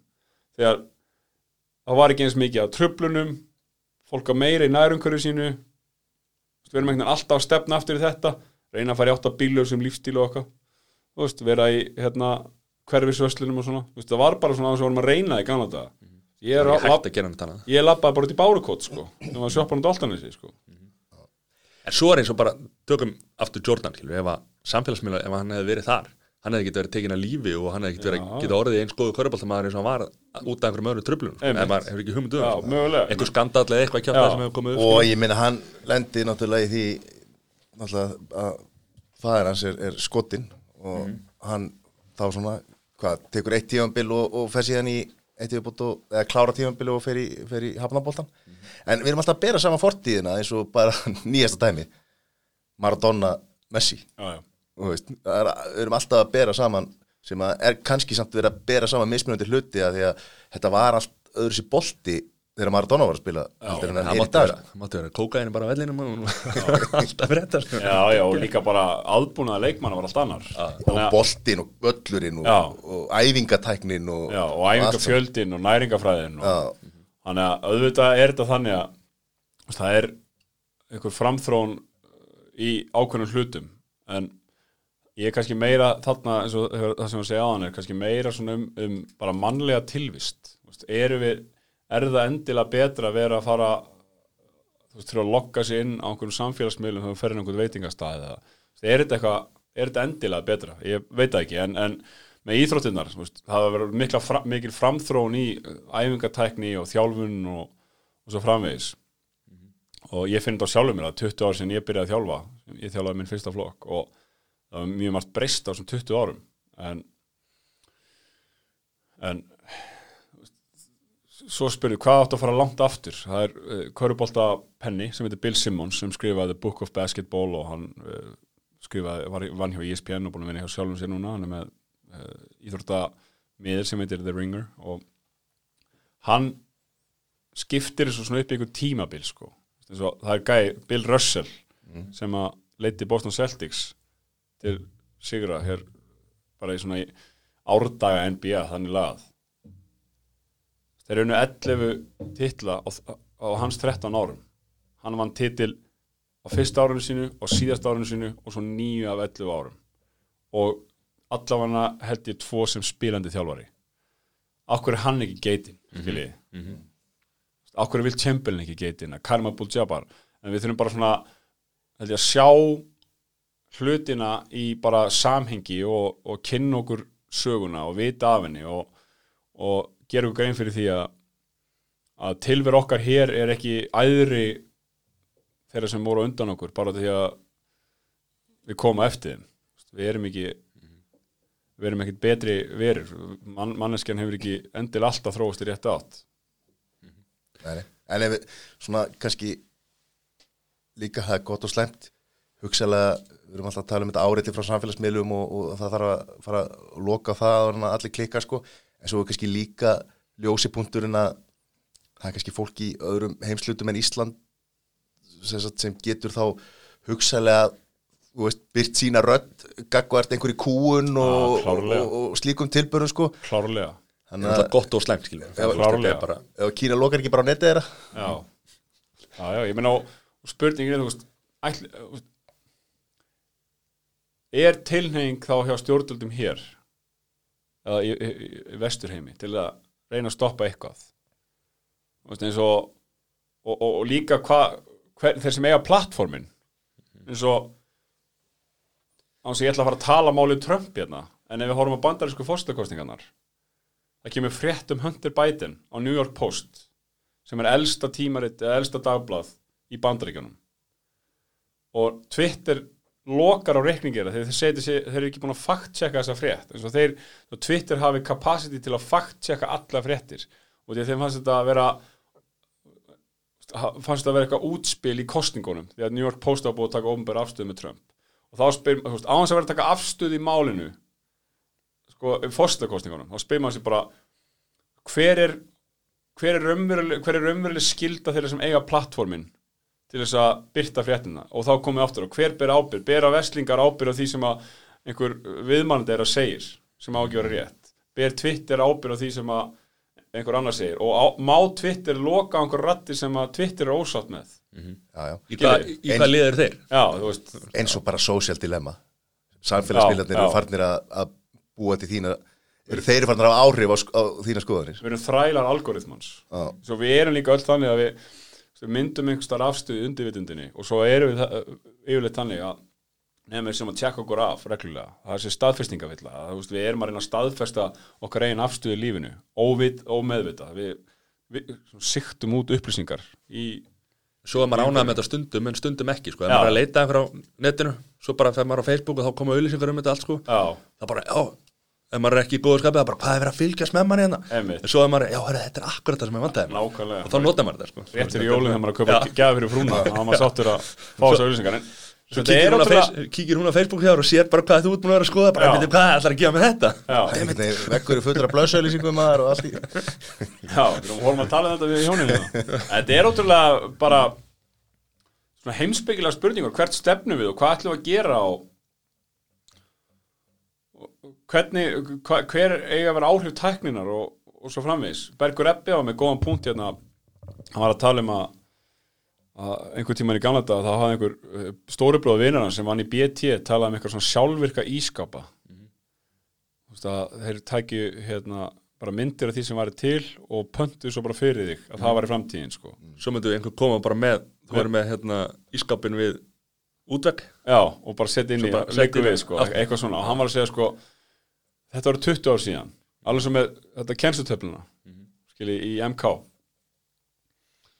og hann sagði á þessum árum er eiginlega manneskjan bara frá því að sagði þú varst með þessa kennslutöflu þá hefur ekki árinni breyting á kennslutöflunni en þá eru breyting á hvernig við hvað við erum orðin há tækninu hvað tækninu farin að áhrif á okkur. Við erum búin að tæknivæðast bara inn í okkur, við erum orðin háður lækum eða við þurfum að setja eitthvað á Instagram eða við þurfum að setja eitthvað í Snapchat story eða eitthvað svoleiðis. En ískápurinn er eins, kennslutablan er eins mm. það eru við sem erum einhvern veginn orðin, þrælar tækninar og þetta hann uh, kom með hennar punkt og þetta fekk mig til að hugsa ótrúlega mikið, hvað er það sem að við erum að gera í lífinu og, og svona, þetta hefur náttúrulega einfalda allt ótrúlega mikið, ég segi það ekki en þetta er líka flækt eins og í öllu öðru lífinu þá er afstæða mín klófin Herru, förum í Köruboltakvöld já, Það er nú geggjaði þetta já, takk fyrir það. Er hérna, hvernig kom hugmyndin að því og hvernig byrjaði þetta og hvað er hérna? Uh, hugmyndin að köruboltakvöldi kviknaði þú veist, það er náttúrulega allir alltaf, þú veist, það sá allir Pepsi mörkin. Og þá vildu allir gera þátt um körubolta veist, og allar íþróttir. Það bara var einhvern veginn það lá beint við. Já. Og þetta var í, í mötunetinu í skaftahliðinni í 365, þá var ég sem sagt uh, að vinna á fréttablaðinu. Og ég sitt bara í hátæðismat og þá kemur maður sem heitir Garðar Örn Arnarsson sem er nú svona framlegslu stjóri á stöð 2 held að sé réttu titill og SSC á stöðu sport að gæðastjóri eða framlegsstjóri eitthvað slags og hann er búin að vera prótunhitt í mörg ár. Og svo Tómas Þór Þórðarsson sem er núna með ennska boltan hjá símanum og þeir segja, herri, við erum með hugmyndin á þætti. Það er svona uh, umfylgjarnar þáttinu kvörubolta og við viljum að þú hóstir. Og ég er svona, ok, ég held ég myndi kannski vera beðin að vera pöndit fyrr sko. Þú veist, ég held að menn vildu vildu það frekar en fannst það bara mjög spennandi. Og segði bara já. Og svo bara fórum við á stað. Og óðum, óðum út í eitthvað sem við vissum ekki hvað varum að gera sko. Þetta er sprengt allan fyrir mér að því ég er, er ekki mikill Körubolta, þú veist, ég horfði á Michael Jordan og svo þegar hann hætti þá hef ég ekkert fylgst með NBA veist, íslenski Köruboltin hef ekkert verið neitt fylgjast með því skilur en þarna fer maður að ho- horfa á og svo þegar úslitikefni kemur og þá er veist, spenningin, er, bara spennan og, og hérna, umfjöllunin og svona, gerir mig að aðdánda það er gott, sko, markmið okkar, snýst allt fyrst og fremst um að leikmenn og þjálfarar, þeir eru að búa til góða vöru og við þurfum að reyna að miðla henni og reyna að gera hana, og, veist, og það var eina af svona frum uh, pælingum okkar, að það var að ná út fyrir hópin sem að fer inn á karvan.is, mm -hmm. eru frábæri síðu. Þar þanga fer korfubólta fjölskyldan. Og við þurfum að ná fleirum, við þurfum að hafa þetta svona eitthvað létt og skemmtilegt og, og svona og,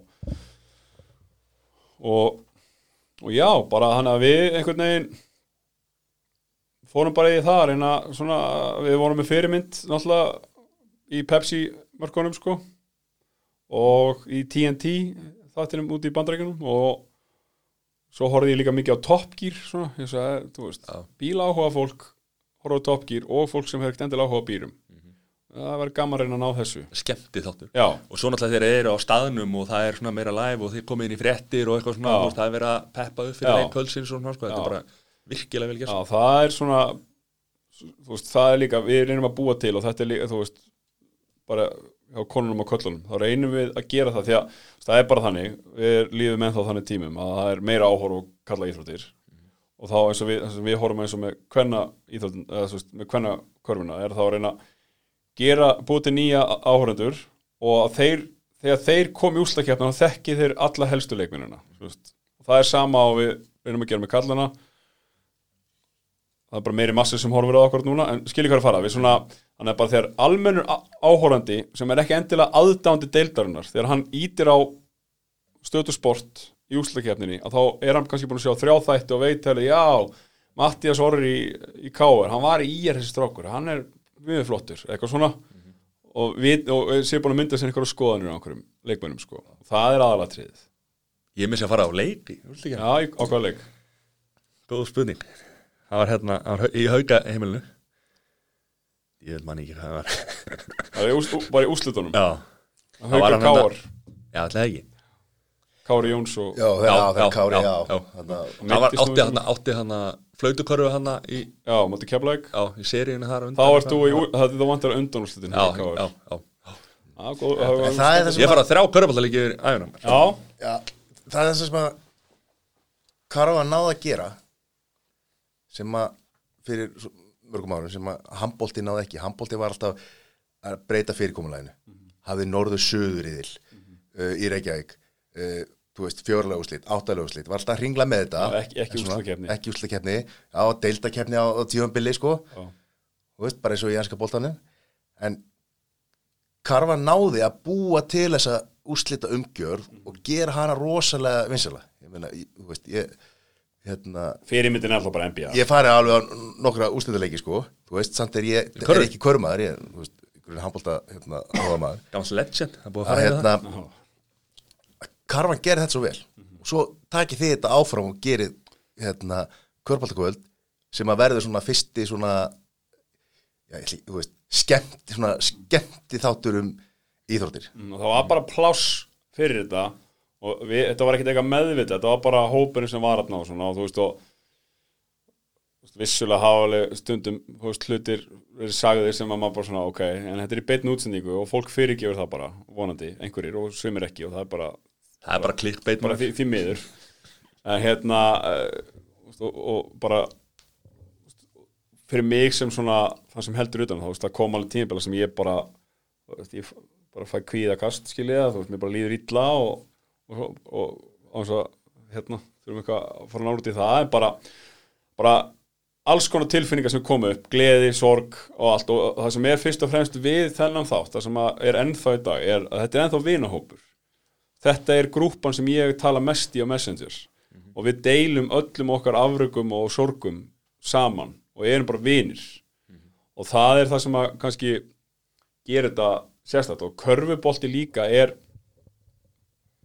það er eitthvað svona jaðarsport fílingur því að þegar ég elst upp í körfubolta þá er engi leikir síndi þannig nefnum úslagkeppnin og og það er þessi þetta, maður er alltaf að breyða þetta fagnarerindi og maður tók eftir eins og þegar ég gátt þessa bók. Þetta er bara valur körfubolt að deila statusum minni, já, kaupið bókin á skjartans eitthvað svona. Og þetta er eitthvað sem er uník held í körfuboltanum, að við erum alltaf einhvern veginn að hugsa hvort um annað og það er bara menn sem hafa hitt mér og segja ég, kaupi, ég var í körfubolta, ég kaupi allt sem körfubolta fólk gerir. Ég stið körfubolta. Ótrúlega svona sérstætt en við erum, jú, í- þátturinn okkar er skemmtilegur fin- finnst mér yfirleitt og, og við reynum að gera þetta bara eins vel og getum reynum alltaf að vera endur uppgöt okkur og reynum alltaf að reyna britta upp einhverju nýjungum og svona. En við erum bara hlekkur í keðjunni og það er bara þannig að á endanum er þetta bara varan á gólfinu og það sem að hjálpa mér í þessu öllu saman. Er að ég er náttúrulega búin að vera þjálfa í 20 ára eða hann á næsta ári. Þannig að ég er búin að sjá alla þessa leikmenn og ég, ég er inn í hreyfingun og ég veit hvað hreyfingin þarf held ég sko. þannig að það hjálpa mér svolítið svona líka í þessu en, eins og sé, fyrst og fremst erum við bara hlekkur í keðinni og það eru allir saman í þessu nema Káir en hérna, fjö, þessi fjölmjöla, hérna, þú byrjar á vísi eða? Uh, ég byrja á DFF bara 18 ára sko. Já, 18-19 ára. Og, og þá var Mikael Torfarsson rittstjóri á svona Jónasi Kristjánsinni og þar voru og þetta var, maður mað, var þarna einhver manni hvort ég var eitt eða tvö sumur og svo þegar ég var komin í háskólan eða kannski var ég tvítur, þetta var á þessum tíma eitthvað kringum tvíturs aldurinn sko kannski verið 21 mér segja. Ég, ég, þetta rennur allt saman í eitt. En uh, þarna var Jónas Kristjáns og, og Mikki þeir voru, voru rittstjórar og þarna voru E- Eiríkur Jónsson Jakob Bjarnar, Garðar Núlvarsson Bergljótt, Davís.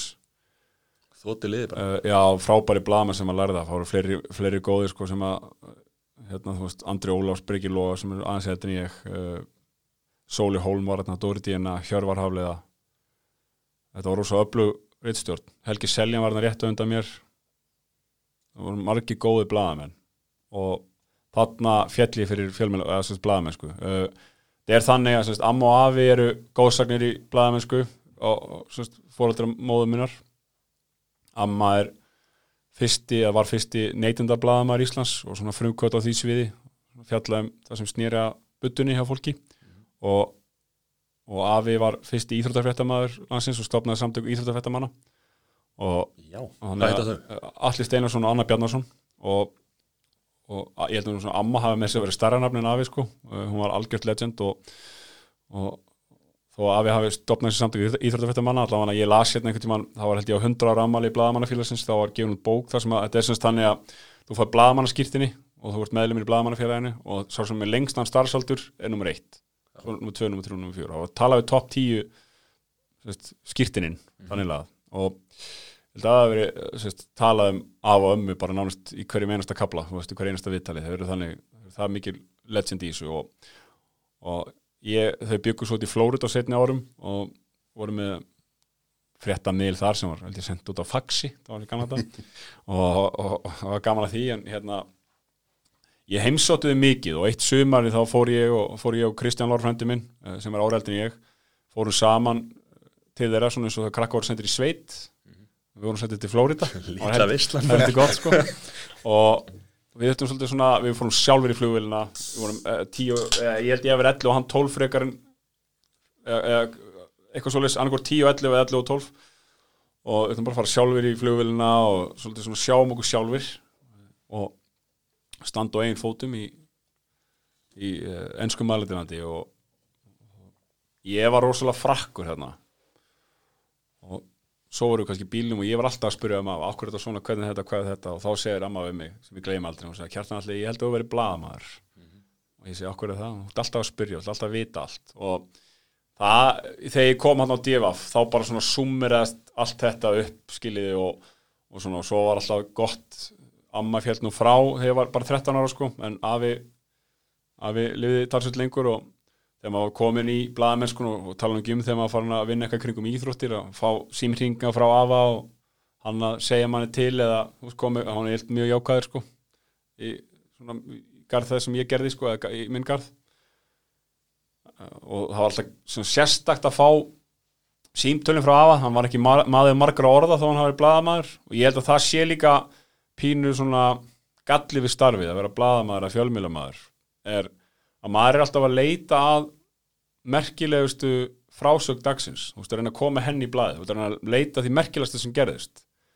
Þú verður óslega fljótur að vinsa úr allt það sem er ómerkilegt. Og það stundum lifi með mann inn í samtöl bara í daglegu lífi, að maður kemur inn í samtöl og maður bara, ok ég myndi aldrei byrta þetta. Og maður svona maður þarf svona, að bremsa sig á og hugsa, ég er ekki að skrifa neitt blað, nú þarf ég bara að taka þátt í vennilegum samræðum og þetta er smá chit-chat hérna, þú veist, mann finnst það eiginlega að verða tímasón, sérstaklega ef maður er í vinnunni, maður bara svona, herri, ég hef ekki tími í þetta, ég þarf að finna hérna ég verða að finna aðeins merkilegri hlut sko. Drullu saman þó þú hefði lendið ykkur í bónus í gerð. Það skiptir bara engum Já, máli, það hérna, er ekki að maður að sjá forsíðufrétt. skriðurnar hérna í Já, það er eiginlega þannig sko. og hérna, hann að ég held að afi hafi verið svolítið brendur þessu, þannig að þegar hann ringdi þá actually var hann að mein, þá meinta hann það sem hann sagði, bara herðu þessi bakþangaðin í dag í fréttabrænd, það var frábært þetta, það sem var gott var þetta, þetta, þetta, þetta. Ertu blessaður, það var bara hægt að tala sko. þannig að Gekki að fá svona sant? Já, þannig að það, það er svona, þar byrjar minn fjölmjölaferill og svo var ég á, á þarna meðfram háskólanámi, það lág frekar vel fyrir mér að vera í skóla, ég uh, þannig lagað, skiljið, þú veist, ég gat alveg sint ymsi með því. Og svo var DFF lagt niður í þeirri mynd sem það var. Ég man alltaf eftir þessu sko. Þetta var svona fyrsta og eiginlega eina uppsögnum mín á ferlilum því að það var bara einhverjum tíu haldið eða eitthvað svoleiðis. Þetta var hægt að, hægt að gefa DFF út daglega. Og, og ég kom heim og ég var bara einhvern veginn í einhverjum pælingum ætlaði bara að verða blaðmar og fannst þarna það svona verið að slegi frá mér þannig að ég ætlaði bara að fara að stopna minn eigin miðil og eitthvað svoleið sko hálitt markmið. En svo fór ég bara og kendi í nokkur ár og fór að þjálaði körfubolta og svona tókst á við ímislegt bara skiljið bara eins og maður gerir í daglegu lífi. Uh, og var mjög seinfroska, hann ég var úlingur þannig ég var þrítur og var svolítið svona að hlaupa mér hotnin en, en svo kem ég sem sagt á fréttablaði aftur. Og þá var mikið torfa komin aftur í fréttablaði uh, ég var byrja, ég var búin að kenna og mér þótti mjög gaman að kenna en fannst ég svona kannski ekki vera í, á réttri hillu og ég sá hann var hann hérna, rittstjóri á, á fréttablaðinu og senda honum message sem hann sínaði svaraði mér ekki. Það er, það er, það er vond það er vond, svo svona mánuði síðar. Þá er ég, sé ég einhvern ringi mig og ég er að lappin í tíma eða frímjöndur að byrja eitthvað, ég man að þú veist, ég var, það var fullt að krökkum í kringum mig. Og ég bara tek upp síman og það var Mikael Torvarsson blessaður. Blessaður. Viltu vinna fyrir mig? Já, já. Já, kott á morgun, 18 viðtal og ég mæti og svo bara daginn eftir þá hef ég farin að vinna sem blæðamár ég bara talaði við skólastjóran og við listum það mál og ég bara var hérna Sæði krökkunum alveg það sem þið fannst um þetta var síðasta Já. dagurinn sko. Ég átti mjög gott samband við þetta voru, þetta voru, þetta voru, þetta voru komin í sjötta bekk, ég fylgdi þeim og fymta bekk þessum krökkum. Það var bögu kaka og hann stóð ekki fara og ég fekk einhverja mjög fallega kveðugjafir og ég, ég fann alveg að ég skipti krakkana máli sko sem að manni þáttum ég væntum en, en svo semst kem ég hérna á fréttablaðið og fréttablaðið hann er verið semst samin alla fréttastofunar stöð 2, vísir og fréttablaðið þau eru saminuð og þannig að við erum alltaf sama gólfinu og ég byrja semst fyrstu þrjá mánuðina í, í eh, innblaðinu sem er öftustu síðurnar helgablaðið og svona.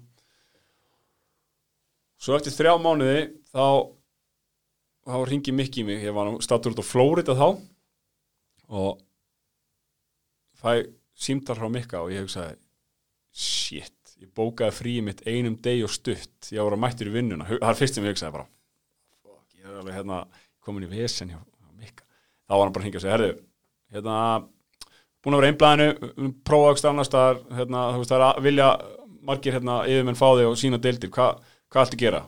Ég segi, ég vil ekki gera neitt annað en að vera einblæðinu mér finnst það bara mjög gaman, skilji, það er bara það var frábært teimi sem var að vinna þarna. Það var Lilja Katrín sem var síðar rittstjóri DF, Álrún Pálsdóttir sem var, var rittstjóri Glamúrs og síðar Óluf Skaftadóttir sem var uh, aðstóðar rittstjóri eða rittstjóri fréttablasins og Gunnar Leo Pálsson ofurtrommari, það var svona teimi sem vorum að vinna með þetta þá og ég vildi ekkert breyta en þá var maður sem heitir Kristján Hjálmásson sem var mikil áhrif á minn fjölmjölaferil þá var hann yfirmaður vísis. Og hann eiginlega bara hringdi í mig og samfæði mig um að koma á vísi og byrjaði bara, ég sagði nei og sagði hann, ok, taktu einn dag með mér. Og við vorum bara tveir á öllum vísi. Veist, það var bara allt, það er bara sex, þú veist, kannski 5, 6, 7 ár síðan þá voru tveir gæjar að skrifa vísi heilan dag, þú veist, getið ímynda hvernig það væri í dag, skilja þá bara fekk ég bara smjörþifun og þarna og fór í netblæðmennskuna og svo fór ég aftur fréttablaðinu, það var svona minn ferill í, í því. Er Kristján ekkert að reyna að pótsaði yfir til háinn markasamskipta? Nei, ég held að myndi ekki ganga vel, hann er frábægæði frábægæði En svo útvarpið? Já, sko, já, svo inn í þetta fléttast sko svona aspirasjónir til að fara í sjónvarp og fyrsta beina útsendingi mín var uh, Edduvelunin 2015 og þetta var í februar 2015 Þá varstu náttúrulega í lífin eða þú veist, þá varstu líka Já, á vísi, á á varstu í já. og þá- þannig var tengingin Já, inn í sjónvarp já, nákvæmlega. Ekki íþróttir. Nei, ég var, og var ekkert í íþróttablaðum sko, vildi eða ekki, við vildi, ekki- vildi ekki að áhugamáli mín eruðu aðdina mín sko, þá. Það er svo sent núna Já, nákvæmlega. Og hérna, þannig að ég er beðin um að vera með Eddu Sif hérna í Edduvelunum og þá svo fyndið að þetta var semst sama dag og byggarúslutin voru í Körubólta og ég er aðstofþjálfari og var með svolítið miklar skildur á mínum herðum sem aðstofþjálfari því að ég svona styrði vissuleiti skiptingunum, var svona með rótringuna svo hrapp þjálfari geti verið bara svona pæla í hvað leikfræði var í gangi og lesa leikinu, hann hafði alltaf úslita valdi ef hann vildi ekki setja einhvern inn á. En, en hann gaf mér, og bara kredit á hann hann gaf mér mjög svona stort hlutverk og ég man bara, því mér þótti svo merkjöld að fara í beinu útsendingu að ég var bara, herðu, ok, þú mátt aldrei verða æstur í leiknum, því ég vil ekki koma æstur í útsendinguna. Og ég náði að halda því alveg fram á loka sekunduna þá ho- horfði ég á eitt káaringi sem klikka skoti, ég stóði beinni sjónlunum við og hann hefði hitt á þau runnið sko. Já.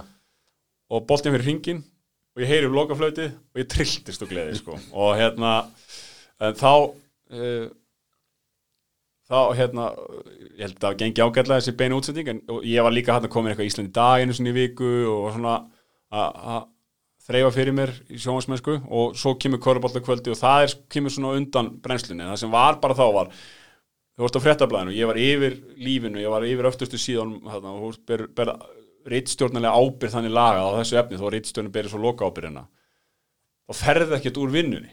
Ferð, þú ferð bara kvöldi til þetta er rosalega ófjölskyldu vænt starf þú ert að gera blað. Og ég var kannski í vinnunni svo föstudum, þá var ég mæti ég bara kl. nýju og ég er bara til sjö, fer það bara beint yfir horfa á köruboltaleiki og fer svo bara í köruboltakvöld, þetta var svona ó óþægilegt. Þú veist, þetta var ekki gott. Og svo er það hérna loka árs 2015 þá ringir Hjörvar hafliðið mig. Við vorum ágætis félagar, ekkert eitthvað þetta var alveg svona þannig sé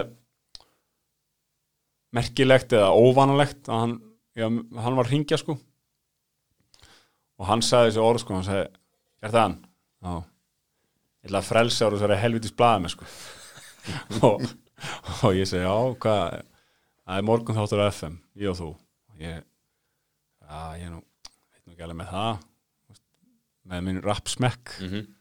en hugsaði, já, ok, ef maður að vera í morgun þetta með einhvern þá var ég Hjörvar einn af sem var efstur á listanum og að við við slóum til og ég komst síðar að því sko að hann hafði bara, hann ætlaði sér ekkert að vera lengi. Já, hann var bara svona að hugsa þetta sem eitthvað svona bara short term gig sko.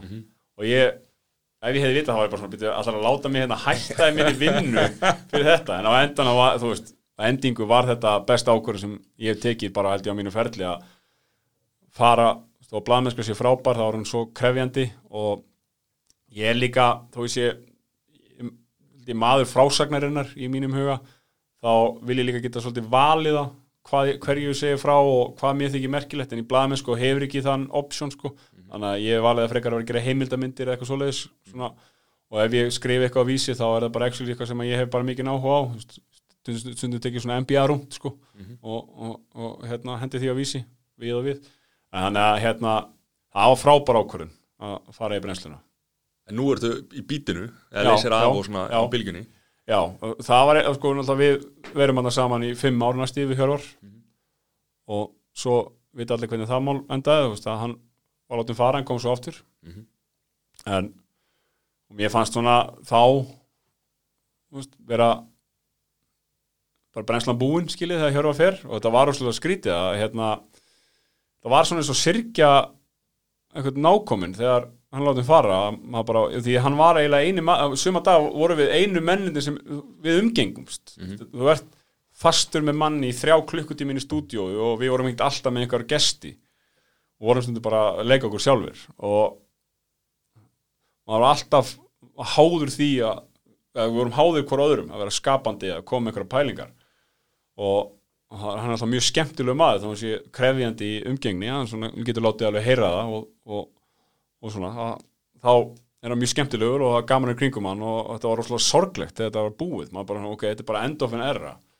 Og ég man bara þetta gerast á föstu degi og ég fór bara nýr í herbyggi þegar ég kom heim úr vinnunni og ég kom eða ekkert út úr herbygginu allan daginn, ég, var bara inni og ég var bara liggjandi upp í rúmi og bara, mér leið bara ekki vel og, og, þetta var sjokk bara var sjokk, Já. nákvæmlega. Þó þetta sé, þú veist, lítilvægt þannig eða skilja, þetta er ekkert eins og ég hafi einhver hafi dáið í kringum eitthvað svoleiðis en þetta var samt þannig, þetta var stórtæk breyting á, á daglegri tilveru minni. Og ég held bara að þetta væri búið hjá mér líka en svo er það bara þannig, maður þarf stundum bara að hugsa um, ok ég er að vinna þetta er mitt lífsviðuvari hann er farinn það hjálpar ekki þó ég bara segi ég er farinn ég svona gerði ákveðna að þú veist ég bara svona ok ég þá sigli skútun eitthvað áfram og gera hana þannig að hún getur silt í einhverja átt og ég geti þá farið sáttu frá borði.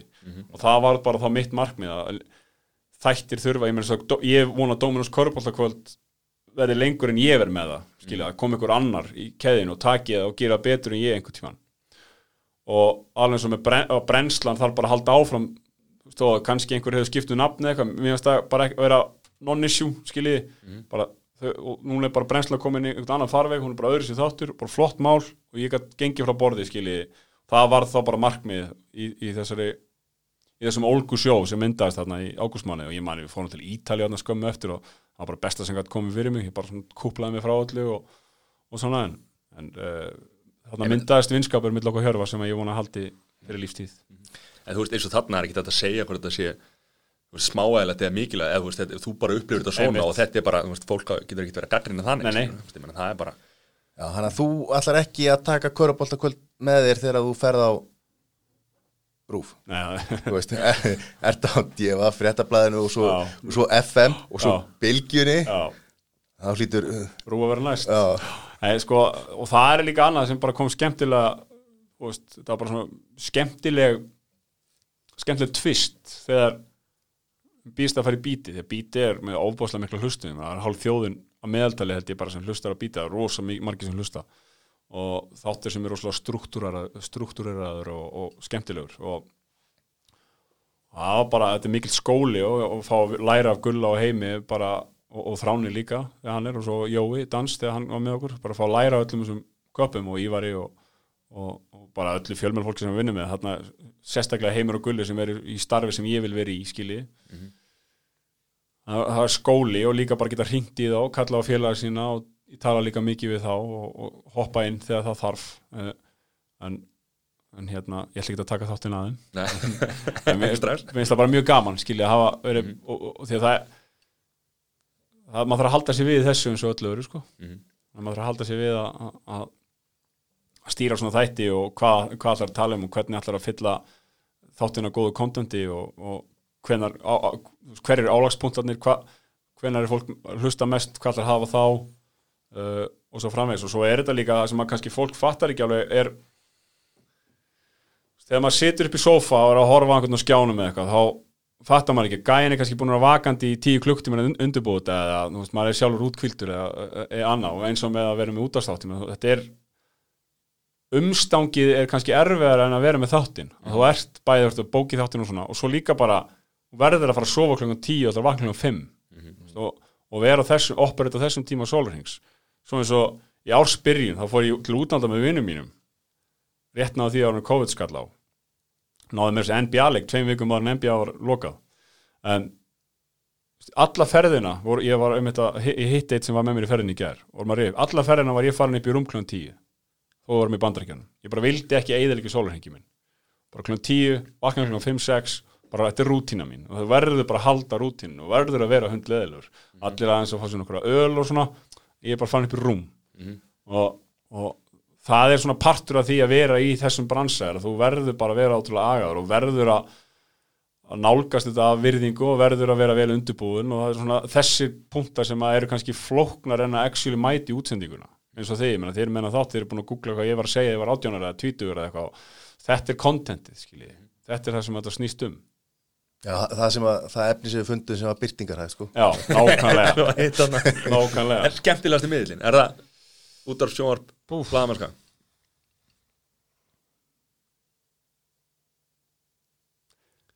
Já, þetta er stór spurning. Uh, Ég hérna, ég veit það ekki. Útvarp er ótrúlega heillandi miðl út af því að það sem er böggandi við sjónvarpið er að það er svo mikið, það þurfa svo margir að koma að borðinu. Og þú ert ekki eins sveigjanlegur. Í útvarpið, eða er eitthvað gott content í gangi þegar maður er með útastátt þá getur bara liftið að lifa eins stitta eins inn á næsta content eða eitthvað. En í sjónvarpið er þetta bara ok, þú farið hérna 11 mínútur, punktur. Uh, ég, þannig að ég held að útarpi sé svona sveigjanlegast sjónvarpið er áhrifamest. Ég held að þú getur haft mest áhrif með sjónvarsþáttum uh, mér finnst netið vera heitlandi á mörguleiti en það er líka, þú veist, því skrifaða orð getur verið svona ég held að, ég held að sé eitthvað það er ein, e, e, við erum eftir að meðtaka efni á netinu held ég á annan hátt, ég veit ekki alveg hvaða hátt. Mögulega er þetta, þú veist, að geta hlusta á Storytel og lesið á sama tíma. Það er eitthvað sem á eftir að gerast einhver tíman og með skinjun okkar, þetta er svona framtíðaspá mín með, hérna, með efnin. En af þessu, myndi ég segja uh, útarp sveigjanlegast, mögulega líflegast það er eitthvað kikk út úr sjónvarpinu sem að útarpinu er ekki Og pólitík í framtíðinu, þetta grínast eða? Þetta gæti ekki verið pólitískara svar sko. Herru, Flóritafangin Já, Kemur framhald að þessu eh, ekki af fanganum sjálfum en þú veist ekki af honum uh, Þetta er frábæri þetta Já, takk fyrir það Ég ætlaði einmitt að spurja, sérðu þið fyrir að gera meira af þessu Já. svipað eins og auðvitað að gera með, þú veist, hérna íþróttamennir okkar, svo hérna, uh, nú tónlistamenni, sérðu meira að gera einhverja svona dagskráfgerð sem er bara tekin upp já. Yfir einhver tímabil og er síðan send, sendur út sem þáttur. Já, alveg heiklust sko en það er bara svo er bara þetta daglega amstur sem er stundu fyrir manni reyndar hefur myndaðist smá rúm núna í íþróttaleysinu og við erum að gera núna vorum veit í gæra að taka upp svona íþrótta heimilda þátt um, um Justin Sjás sem að kemur núna 28. des held ég alveg í- á stöðusport en þú veist það er ekki samt svona að sama tó og Flóritafangin Flóritafangin var opbáslega skemmtilegt verkefni þó þetta sé sorglegt mál og og náttúrulega við, ég var ofbóðslega stoltur af því að það verkefni var tilnæmt til eddunar þráttur að vera ekki heimildamind þú veist að mér fannst svona svo þeir hefðu bekt pínu flokkin þetta var raunin ef við hefum þetta allt í einu. Þetta var basically heimildamind sem var sýnd í þremur pörtum. Og og ég var líka ás ánæg með veist, það er ekkit allir sem að sé þetta en þeir sem að sé þetta tala vel um þetta. Og mér finnst það mjög skemmtilegt einhvern veginn að ég, var, ég, við vildum bara gera eitthvað eitthvað verk sem geti staðist tímans tönn, var í flott uh, segði sögu segði líka svona sögu fórnalamsins hvað- svo skrítið orð skiljið, segið sögu konuna sem var myrt af þessum manni sko. Og, og reyndi ég líka sína harmleikin sem að þetta olli, eða sérst, skaðan sem þetta olli fjölskyldu hans. Þannig að já. þetta var, þetta var hérna þetta var, Skemmtilegt Ske- skemmtilegt skemmtilegt. verkefni eins og segir. Já, þetta var svona skemmtilegt og, ga og, og gaman að vinna það. Að það var gaman hjá okkur. Þó að það hafi ekkert verið kannski skemmtun á meðan á því stóð en það var svona ákveðin það var lærdómskurfa, það var óbúslega merkild að sjá hvað og finna hvað bandarækjumenn eru ólíkir og ólíkir okkur líka. Eins og bara með það hvernig, hvernig tjásið fyrir að myndavelar ég að var í Íslandi í daglíki mörg ár eða þrjú ár eða eitthvað og það að fá Íslandinga til að tala fram að myndavel það er bara hvort að draga fólk stundum fyrir fram að vélina. Og samt er alltaf fólk það er alltaf sama liði í sjónvarpinu? Það var bara, svo margir sem vilja ekki vera það sko. og það er einhvern veginn litið á niður á þá sem vilja tjá sig bara hvað er þessi að tjá sig, Akkur, hvað er hann upp á dekk? Og mm. þegar þessi alltaf að óta, tóta, óta sínu tóta í fjölmiðlum eitthvað svona. Þetta er bara kommentarkerfið. Já, veist, þetta er bara nákvæmlega. og, og en í bandarækjunum það bara, fólk mæti bara, hvað er, er, er að skjóta einhverja, e- e- eitthvað sjónvarp? Já, um hvað, um morðmál? Ég vil ekki tala um mig. Þú veist ekkert um máli, skilur en kanni vill bara vera í vitur Já, sko, ég, þetta var, ég sá einhvern tímann umræð um þetta að alltaf að það gerist eitthvað í bandaríkunum og það er viðtal við einhvern vegfæranda og það er alltaf eins og vegfærandinn að þetta sé í, í hundrað skipti sem er í sjóvarpi Já. það, er alltaf eins og þetta sé bara einhver þölvanur að þeir bara einhvern veginn kunna þetta. Bara, í, mynd, bara yfirvegaðir og svona komaði svona frá sér bara resti eins og séu sjóhansmenn sko. Og þar Bara við þar komum við annari pælingu sem ég er ég sitt stundum heim og pæli bara í tómarúmi. En þetta er pæling með bandarækjumenn að mín upplifun var alltaf fyrst. Ok, íslenskir sjónvastættir endur spekla ekki skrifa þettir endur spekla ekki nóg íslenskar samræður. Það er margir sem að tala um þetta þú ertu komin hingaðinn veit ég hvað ég meina, þú veist, að mann er finnst stundum eins og þetta sé svona leikhúsa stemming og okkur svo og ég fór að pæla, ok, mér finnst bandarískar samræður betur endur speklar í bandarískan þáttum að einhverju leiti en hvort ætli þær endurspegli samræðunar eða samræðunar séu farin að endurspegla bíómyndirnar? Að þessi komið í ring út í að það er svo ofbáslega menning fyrir leiknu efni í bandaríkjónum og það er svo mikið af þessu. Og þetta er svo stór partur, sjónvarp er svo stór partur af tilveri bandaríkjumanna að hvort allir þetta sé endilega þannig að sjónvarpið sé endurspegla fólkið, að fólkið sjónvarpið, að kannski er þetta bara bæði. Skiljið hvað er að fara? fólk er að fara að leika eftir sjónvars Já, atriðum. Og það er eins og núna með FIFA leikina. Við erum, við erum allir aldrei uppið að spila FIFA leikina. Og er FIFA allan í gerum tíðin að FIFA reynt að endurspegla fótbolta. En nú ertu komið með fótboltamenn og konur sem eru alin uppið það að spila FIFA. Og er þá FIFA farið að endurspegla það hvernig fótboltamenn spila FIFA? Þú veist, fer þetta í ringi og fer skap, sköpun sem á að vera raunverulega og hafa áhrif á raunveruleikan sem svo hefur aftur áhrif á sköpunina og þetta verður ringarás og það er og með bandarækjumennina þeir eru allir svo vanir að tala kannski út af því að þeir eru búin að veist, það er bara endurspeglunum á því hvernig þeir tala. Veist, og þeir sjá sig þarna og þeir eru líka endurspeglaðir í, í, í hérna, skrifuð efni. Og þetta er allt svona þetta er svona bara kartulumús af, af einhvern veginn samtölum og Kanin er náttúrulega meistar í svona smóltóki að tala um ekki neitt skilur Já. svo þekkir hann ekki bara, þú veist ræ, ræðum daginn á veginn sko. Já. en líka eins og í bandaríkjunum raunveruleika sjóvarp í bandaríkjunum er ekki, or, er ekki orðið raunverulegt sko. Nei. Það er að allt þetta skrifa Real efni Housewives ef og það er allt raunverulegra þetta. sko. Já, þannig að e, þetta er svona en fullt af fólki eldir það svo og reynir að lifa þessu lífi. Já, þannig að það var upplöfunum mín hérna úti var bara að kanin vildi alltaf komið frá myndalina og vera frægur. Vera frægur. Ameríski draumurinn. Já, hvað er þetta sín? Íslandi, hvað búa margir? Já.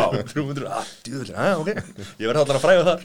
Já, og ég meina svo ég fór einmitt með sjá sko til bandarækjana uh, taka smá efni og skoða heimili kjúklingavangja það var svo sína fólki er, er það þá tátur um, um þá kjúklingavengin eða? Bæði, Bæði. og, og fyrirlins og, og hérna og hann er semst frá stað sem heitir Erie, Pennsylvania sem er rétt, eða svo 40 myndum klukkutíma frá Buffalo. Og Buffalo er heimili kjúklingavangjana þannig lagað.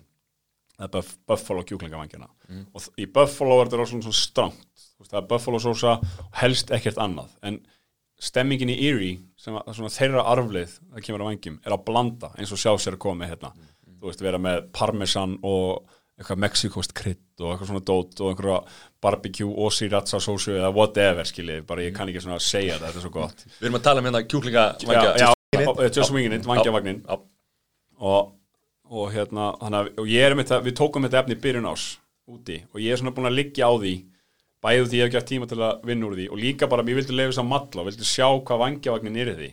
Og þetta er náttúrulega búin að hitta því skiljið það er svo breytir hans forsendum heimildamyndarinnar og svona sögur sög, eða svo, svona, já, svona auðveldar að segja þessa sögu eða, fleiri sem tengja við hana skiljið og því að vandari að þetta er tekið langan Já, tíma. nákvæmlega. Þannig að maður er búin að lega sem alla en, en hérna, óbúslega gaman. Var skemmtilegt verkefni en það komið aftur að því að það er sjá sér vanur á myndavælar hann kann að tala og kann að segja frá og fara yfir fyrirlið sinn. Búin að magna fyrirlið á Íslandi.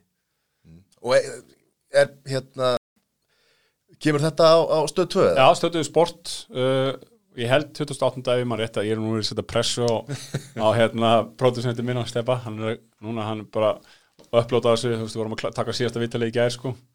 Og hann, hann er að klára, klára klipp þetta og svo það þýða þetta þannig að þetta verður sínt alltaf milli jólun í oss já, spennandi. Já, gaman að og gaman að gera eitthvað svona líka aðeins aðeins öðru sig en en eins og ég segi, þú veist, að gera svona efni eins og Florida fangan, þetta er náttúrulega ég hætti bara að taka mig frí frá öllu og svona, ég er í mörgum hlutverkum bara eins og margir Íslendingar. Við erum í rauninni marga miljónir því að við erum öll svo margt.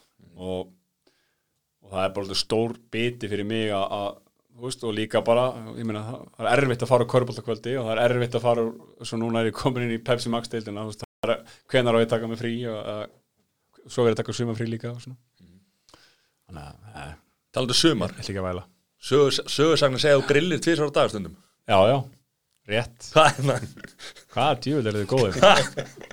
Hérna, ég tók sérstaklega í sumar sko, þá tók ég hérna ég tek sem svona uh, veit ekki hvað þið kalla keto ég bara hætti að borða öll kólvetni ég er ekkert að reyna að ná einhverju kétu ástandi og fer heim og grilla með pilsur eða hambúrgara, ansabóla brauð og hvað Það er ekkit betur en að grilla. Nei, það er bara best í heimi. Og við erum hérna í íbúð sem er á ettu eftir hæð semst, efstu hæð í hæstu blokk í Garðabæ.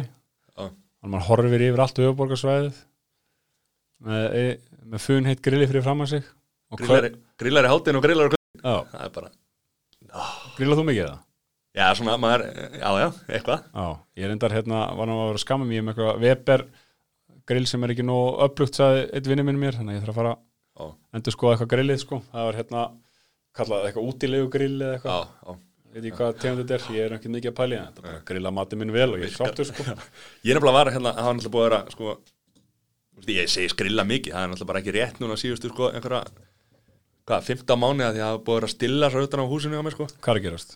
það var bara að vera að taka húsi í gegn Ok, og hérna, hvernig, er þetta fjölbýlið að já, já, og hérna ég er upp á þriði hæð og gaskóknum var stólið Úff, á grillinu sko. það fór upp stillan svona stál gaskóðum já, og grillið hafa búið að vera inn í stofu núna bara í einhverja sko, 15 mánuði eða 14-15 mánuði Hvar í lífinu ertu að gaskút? upp á þriði hæð Hvað er, hvað er gaskúti mikil sverðið? Sko, þú gastskil, ég, þeir eru hættir að taka við þessu sko. Já, ég held að þetta sé bara að vera að sniffa þetta eða eitthvað sko, Já, eða, eða, þú veist, eða selja þetta á einhverjum svörtum markaði fyrir 5 Já. skall sko. Ég Kannski veit var bara einhver að fara með sig og vantaði bara En gas Svo ég er með svalir sko, set, á tveim, set, sikkur megin öðru megin er með gasgrill og hinn megin er með kólagrill sko. það er grjótast Þannig ég Hvar er bara- þetta? Það er ljón Það skal, hérna, Bobby Vandara Gemsi sagði, hann sagði, ég átti heim í árbænum, ég þurfti svo að flytja, það sem ég fjall um, það sem allir vita, hiphop er svo raunir, ólgandi af hita. Það er bara nákvæmlega þannig Er þetta ekki bara geggi lokaður það? Jú, heyrðu, hérna bara spenntur að sjá hérna, þáttinn Já, já, ég er bara ótrúlega ánæður að, að hérna, fá komika og ég er svo ánæður við, hérna, hvað við fórum við um völl, sko. Það er gaman að fá hans að tappa af. Ég er að sit heim í pælingum alla dag og geta fengið hérna smá vettung til þess að koma þessu frá sér. Þú ert bara alltaf velkomin Það Já, er ég, einhverja pælingar ok, það kem ég á morgun Já, aftur. það er bara ekki Þá bara komum við með special þátt sko. Það er kostur við þetta skilur Já. Við getum bara gefið þættir hvenær sem er Já, þetta, ekkert þetta er podcastið. Já, Við erum einmitt, sko, vorum að byrja með, með hérna, podcast, sporti í dag á vísi og, og á, verðum á hérna, þessum uppum sem að fyrirtæki á, ekki að fara í samkeppni við ykkur hérna á Spotify og iTunes sko. þannig að þetta er svo skemmtilega miðl sko. Getur. Það er ekkit- það er ekkit á eftir þér. Nei, nákvæmlega. Það er ekki pródusent í eirun á þessu herri, að það, Ölsikar, ölsikar Já. Þannig, kemst maður inn í líka bara alla pælingar Já. þess að þetta segja og, og kynna fólki á allt annan hátt allt annað hátt. Kjartan allir Kájó, takk kjærlega fyrir komuna. Takk fyrir mig